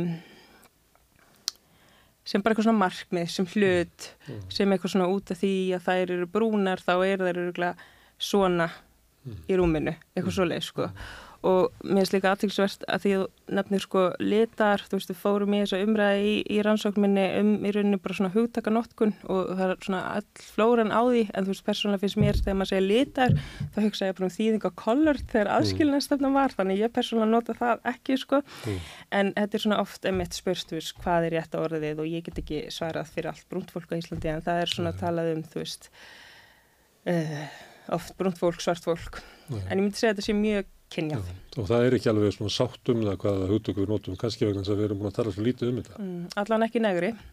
Það er ekki, Það fáið sem segja það nema þú. En mér finnst aðtilsvert að því að þið voru að tala um svona kynjaða þú veist, það er aðtilsvert eins og kom fram áðan þú veist, eru konur frekar stoppaðar einhvern veginn og þú veist, sett fram einhver svona búning um að þær þurfa að útskýra eða, eða, eða þær þurfa einhvern veginn meira svona Það er náttúrulega slæðunar hérna hjá hérna, fólki frá Íslam er bara búið að vopnvæða einhvern veginn slæðunar. En ég bjó á tímabili í, í París og ég man eftir ég má kannski í neðarælestinni og þá var hérna einhver drengur, ungu maður, augljóslega frá svona Norður Afríku eða miðausturlundum með íþróttatösku hliðin á sér. Og maður horfið á hann og maður fann það alveg á honum að hann fann að allir voru að horfa á sig að velta hvað það er í töskunni. Þetta lítur að vera, veist, það er að, að þessu leiti það var meira álaga á, á kallana. Það er meiri líkur á því að þessu ógn við okkur. Ja. Haldið þessi munur á, á, konum og köllum? Já, Mm. ég held að því að við erum konur, stundum eru fólk að hugsa, já þau getur að vera bæður, en það er svona softer image um, og þá, you know, um, það kemur líka svona um, femininity í þessi, já, konur eru svona sweet og konur getur að vera smá svona um, obedient Mm. og þá eru kallmenn eru ekki svona. Það er alltaf svona violent criminals Mm. aggressive, powerful og ég held það er svona that's the difference, þetta er svona mismunandi á milli konur og kallmenn sem eru kannski um, brown og black Mm. so I think in that way we are seen different Mm. mér finnst fólk eru alltaf að um, horfa á mig og hugsa já hún er, svo, hún, er svona she's oppressed Mm. þá getum við segja hvað okkur langar að segja við hana og við maður minn það er svona á móti já, hann er svona um, because he's, he then becomes the oppressor Mm. so he must be a very powerful aggressive, violent man and he's completely the opposite and again we're just classified in you know um, boxes um, and I think that's the that's the thing between the men and women that they might see, especially Muslim men and women. You can't always tell, like you said, you can't always tell if a man is a Muslim. With women, you can always tell if they're wearing a headscarf, especially. Um, and I think that's the main distinction. With with the men, it's anybody who's brown or black and might have a beard. Um, they might be classified as Muslim, and that's such a huge category. And that's the difference, I think, between men and women in that way. Það var fyrir einhverjum árum síðan að þá uh, var verið að taka á móti svo kallum kvótaflótafólki og þá var hérna bóði hingað uh, konum og mæð, eða mæðurum og börnum þeirra en ekki kallum frá held ég hafi verið einhvers stað frá miðausturlöndum, Jag var kvotaflott folk. Vi Mm. kom här med mamma och syster min. mömmu og sýstinni, Ja, och så vi var de sådana tre fjölskylder. Bara sådana ko- konur. allt konur, Já. köllunum ekki bóðið. Nej, alltså så göra hættulegt hér. Þetta er alltaf rosalegt. En bara, uh, bara ett annat. Alltså jag har läst mycket sådana, i sådana, visställen som jag var jag, visställen som jag var i såna i Hamilton, jag har läst sådana mycket sådana nekvæðar athugasemdir og mycket fördomar. Við, við talið við þig og Ja, vid mig. Bara i sista veckan. Och så, ja, såna läs, alltså det var såna mat som bara säga Detta kunder geta såna fara såna till sina länder och såna Mm. börja släda sådana. En till dæmis F kunden kunden min kommer till såna Iran eller Afghanistan uh, hon sarf att vara såna med släde och hon sarf att vara såna, såna kläda sig mycket väl. Alltså det är såna re- en bara come on, det är såna kvar som vi gör flia frá. Vi viljum ekki vera svona undir stjórn svona einhver annar. Þetta er svona ástæðum fyrir svið, við erum að flýja. mm, Í Afganistan og Íran líka, þannig að fólki sem eru að flýja frá Íran, af þess að svo vilja ekki svona stjórnvöldi stjórna þeim og bara svona hangja þeim upp vegna til þess að svo trú ekki á hvað sem svo er að segja á slæði eða eitthvað annað sem er svona aðal vandamálið í Íran. Og svo í Afganistan, við erum að flýja muslima fólk sem eru talibanar. og við getum aldrei verið eins og þeim svo við erum ekki hættulega, við erum svona fornalamb sem erum eitthvað svona eins og bolti sem allir er bara svona Sest, við erum eins og bolti á milli og allir að segja nei, segja frá svona Islam, þetta er svona frá Afganistan, Íran, ekki, Ísla, ekki Ísland, Íslandi bara hug, hugsa om það við höfum verið svona með bara þið getur ekki ímynda hvernig svona sátir við vorum með hvernig líf og sagan erum við með og svo við komum hér byrjum að vera svona að byggja svona nýtt líf fyrir okkur bara aftur svona vinnir svona vinnu, mentun og svo þetta kemur ofan á eitthvað svona fordóma sem við þurfum að bara berjast fyrir bara, Það sem eru að þröngu upp á þig eiginlega sög þeirra sem að voru að ofsækja þig og þitt fólk. Talibanna og Já. ríki- stjórnvöld í Íran. Þú átt að, að vera að takk með þeirra. Það er svolítið, svolítið grimt. já, aftur þú veist einu sinni þegar ég var, að, ég var í mentaskóla bara ég var alltaf svona fyrir utan en, en, ég gætt svona að tala svona smá íslensku og svo ennsku og svo enginn var að svona koma svona fólk sem voru í bekkanum var að tala við mig. Bara einu sinni, einu sinni svona kennari okkar sett, sett okkur, sett okkur í svona hóp, vinnuhóp.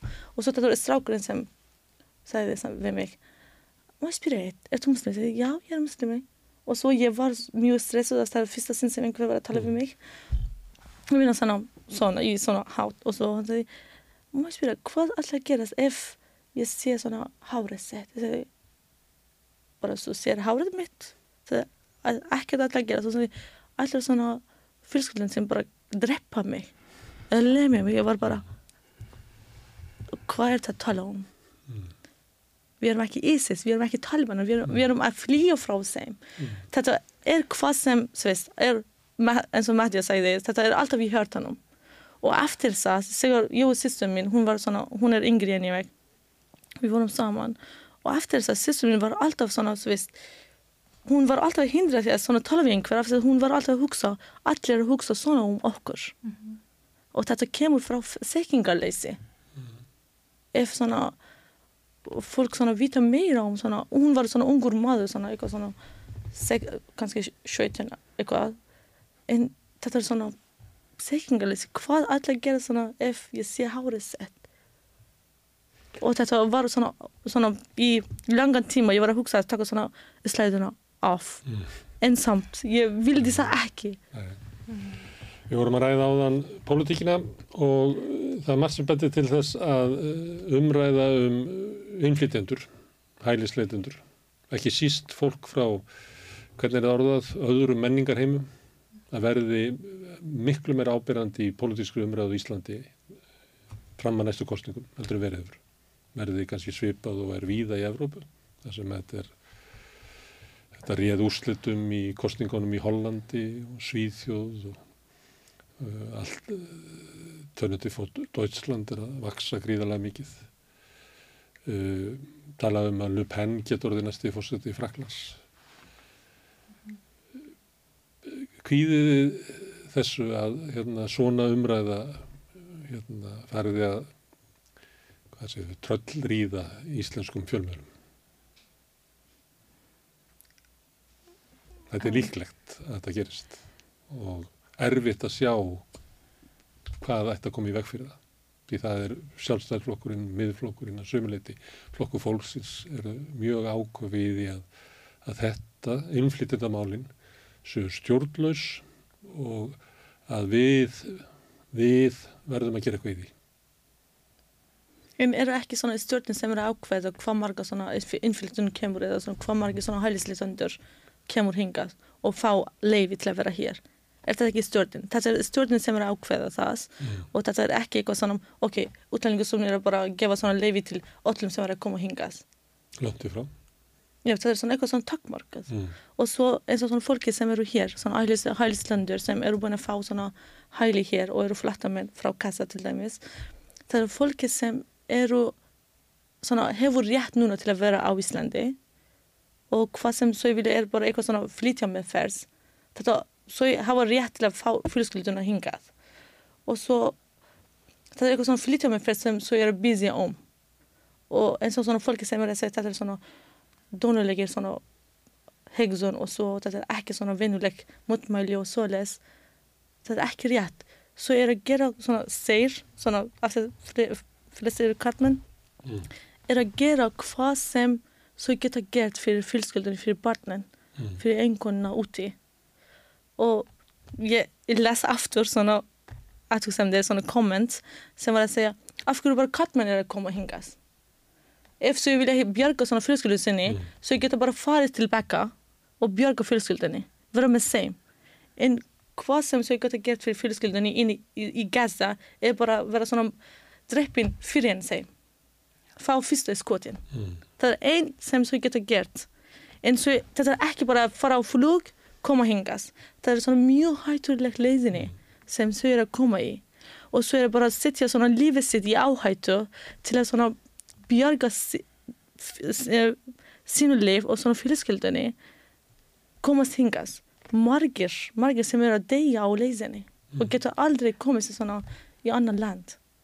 Það er svona, svo er að fara með bát, vera svona skotin á landumærum og handtekinn, lömun, lö- en það er einn sem við getum gert. Að flýja landið, fara í annan land sem er órug og svo fá fjölskyldinni sangað.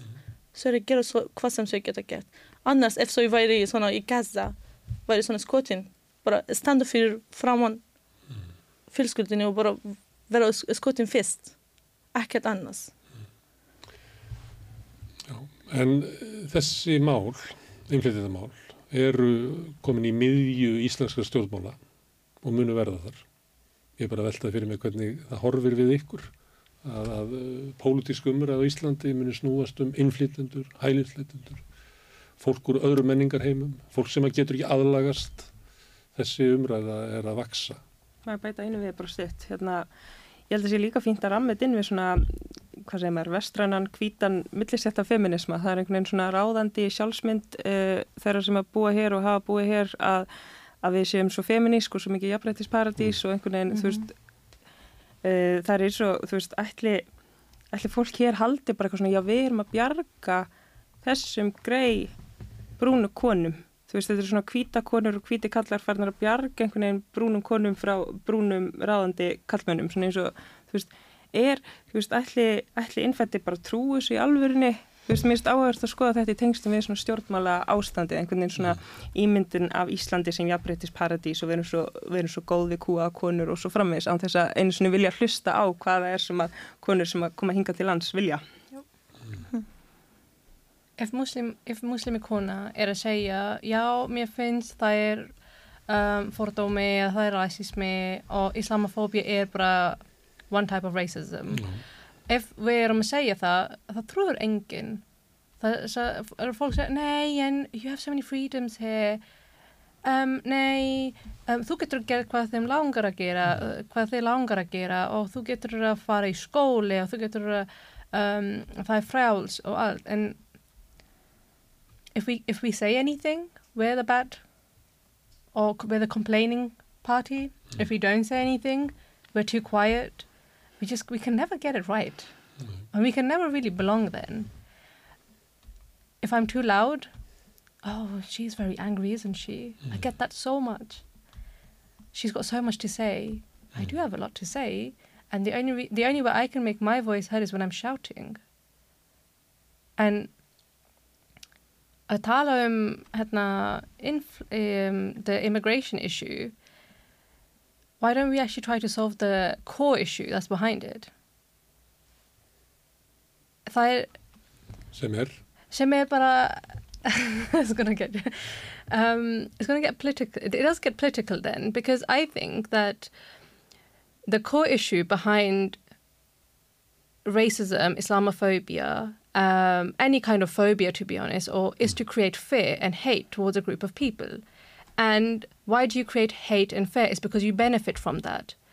If the public opinion um, um, regarding somebody or a group of people is negative, it is a government's job to protect those people. And not i don't mean protect by like oh they need you know police officers around them. I mean by fixing the image that has been being painted about a group of people. Um, whereas here in the west what the governments do is they just shrug their shoulders. Maybe these people are like that and they uphold that image. And what that does is then further creates negativity around a group of people. And it's just a cycle like that. And where, who benefits from all of this is the government. It's political parties. They they earn money from this. They make pos- they, uh, profits from this. They have look at the UK because I've grown up there. Rishi Sunak, who's a prime minister, he wasn't chosen by the people, but he is by default now, hmm. right now, the prime minister. He has vested interest in what is happening in Israel and Gaza. And I find that appalling to such a deep level, and yet nobody's doing anything about it. And he has the freedom to go into parliament and talk in a talk about all the people that are dying in Gaza in a certain way, negating it like it's not happening. And that's okay. And it's the same in Iceland, it's the same in a lot of countries where it's okay to talk about a group of people in a certain way, immigrants, just put us all in one group as well. We're all immigrants, regardless of whether we're coming from war, Ukraine for Ukrainians, whether they're Palestinians, or we're, we're leaving a um, dictatorship. Oh, my family left because um, there is no religious tolerance in Pakistan. I, bro- I belong to a certain sect in Islam, and by law, if I was living in Pakistan, I'm uh, anybody can murder me, and they will not get a sentence. Like within the law, it says that I'm, you know, the people have the right to kill me. We're all coming from the same boat, but we're not. And it's just unacceptable that a governing body of a country thinks that it is okay to make immigration an issue. When immigration, the, the people who are immigrating are not the issue. It's the problems, social problems that we have to tackle. Og já, það er, já, já, Já. En eh, að því að eitt, bara að því ég voru að hugsa að þú varst að byrja að tala að eh, hérna, þið upplifið hérna, afleðingar íslamofóbíu og rasisma í slíku samfélagi. Og, en það voru spurningin sko til þess að það lægist eins og alveg sama hvað við erum að tala um við lögum ekki fátakt nema henni er fátakt og fá að tala ekki? En er það þannig að, að þið hafið, hafið þið málfrelsi til að tala um íslamofóbíu eða rasisma? Því að stundum er það þannig að þegar þið talið að þið lítið ekki út eins og við, að þá hafið þið bara leifi til þess að tala um hvað þessu þakklátt fyrir að vera hérna, hvað er gott á Íslandi, en þið hafið ekki fullt málfrelsi til að gaggrina hvað er að á Íslandi. Já, það eru, að, það eru fólk að búin að segja það við mig í vinnunni, í, ég má ekki segja eitthvað neikvægt á Ísland, nei, neikvægt sem gerir á Ísland, Nei. af því að I have to be very thankful for, you know, having a life here. Sem er bara fyllilega kúun. Já, og það breytist ekkert hér. Það er, ég var að tala við sýstir mín hún er núna að um, læra um, þálfræðing, psychology og þá um, um, við vorum að tala um þessi koncept of að vera um, frá einn land en samt við getum aldrei að breyta eða segja eitthvað neikvægt á, um þessi land sem við erum að búa í. Af því að við erum ekki svona með we don't have the license for it af því að við, við, við, við, um, við litum ekki út eins og um, uh, hvíta, uh, uh, eins og ég er ekki hvít en ég, Man, Mandi, ef þú ert ekki ánað með Ísland, farðu bara heim til þín. já, ég, það er búin að Það, er- það er það sem er sagt. Sko.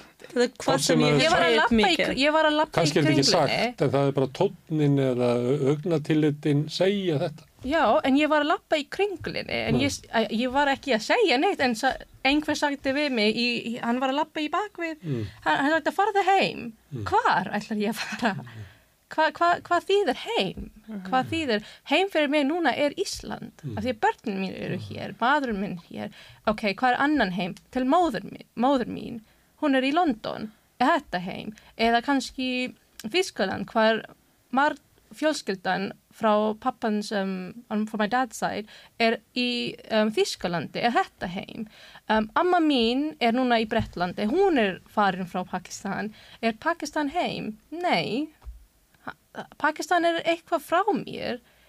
Um, nei, um, it's part of me, but þetta er ekki heim. Ég hef aldrei búa í Pakistan. En mér langar stundum svo mikið, ef einhver að segja mér, farðu heim, mér langar að fara heim, en ég get ekki. Það bara drep einhver mig í Pakistan. Hvað ætlar ég að fara þá? Þú veist, þetta, mér finnst þetta tekur svona, þú veist, orð frá sér. Að ég er með, til dæmis, að ég er með slæðu, ég er alltaf svona hrætt, svona, hef mikið áhyggjur að skrifa eitthvað svona komment eða eitthvað svoleiðis. Af því að ég veit að fólk er alltaf ráðist á mér. Að, ok, svo get bara farið heim. Þannig að þið eru ekki, ekki með málfrelsi eða tjáningafrelsi. Þið megi bara að segja það sem okkur líkar. Mhm. Ef þið ætla að segja eitthvað sem okkur líkar ekki, þá megi ekki Og segja. þetta er svona ekki óljós. Þetta er feilandi. Já. Svo veist. Þess vegna við segjum svona líðræði á Íslandi en samt. Það er eitthvað sem er svona falin upp. Þetta er eitthvað svona farðu í burtu en ekki með orðs. Já. En það er náttúrulega ekkert líðræði nema allir geti tjáð sig frjálst. Akkurat, já. Það er ekki hægt að byggja upp gott samfélag nema allir geti tjáð sig frjálst. Herðu, Sanna, Sara og, og Mattia, takk fyrir að koma enga. Við fundist að vera aðeinsvöld á margmáta. Eitt er það að þeir sem að hlustuðu á hérna kvítukallan hérna fyrir tveimu vikum að vera að tala um að það væri ekki rasism í Íslandi og svona. Það minnst að koma fram hérna svolítið í þessu afkörju hérna þeir haldi þetta. Af því að sumuleitir haldi niðri röddum þeirra sem að geta sagt hver staðar raunverulega er. Þannig að sumuleiti þá eru þeir fórnulömb hérna, rasismans, að þeir heyr ekki raddir fólksins og eru þar að draga kolrángar álíktanir af því hvað svona samfélagi búi og segja hér er ekki rasismi. Mm. Þannig að það kæra þakkir aftur fyrir að koma enga Takk svo Takk. mikið. Leiðis. og ég þakka þeim öllum og gestunum sem hafa hinga komið kærlega fyrir og ykkur sem eru þarna hinum einn og eru að hlusta, það eru þið sem eru að byggja upp samstöðuna og þið geti verið virkir þáttakatur í því með því að benda fólki á, á það efni sem ykkur finnst áhugavert benda á að við erum á Facebook og á YouTube við erum öllum hlaðvarsleitum, við erum líka í útvarpinu á Stór höfuborgarsvæðinu 89,1 á FM það má líka ná út af sendingunum í spilarunum, hann er bæði á netinu spilari.is og svo er spilari líka app sem að má hlaða niður í síman og hlusta á samstöðuna og allar íslenskar útastöðar hvað sem er í heiminum. Eh, Við erum komin í sjónvarp til þeirra sem að fá sjónvarpið sitt frá símanum. Við erum nummið 5 á fjastýringunni og vonandi munu önnur fjarskiptafyrirtæki bjóða sínu viðskiptaverunum upp á samstöðuna. Þeir sem vilja hjálpa okkur að byggja upp samstöðuna og geta gert áskrifundur, þá farið inn á samstöðun.is, það er neppur sem ástendur áskrift, það kostar 2500 krónur sem að mér er sagt að sé mjög lítið, lág áskrift fyrir það efni sem við búum til hérna, þeir sem að viljið geta borga meira og þeir sem að kjósið geta látið áskriftin að renna inn í sem félagsgjöldin í alltíðufélagið og það er alltíðufélagið sem á og reykur samstöðuna. Allt efni sem við sjáum hér er í bóði áskrifenda og við við kærlega fyrir hjálpina. En eh, njóti þess sem eftir er að helginni, ég verð hérna næst á morgun klukkan 8 á Rauðaborðinu.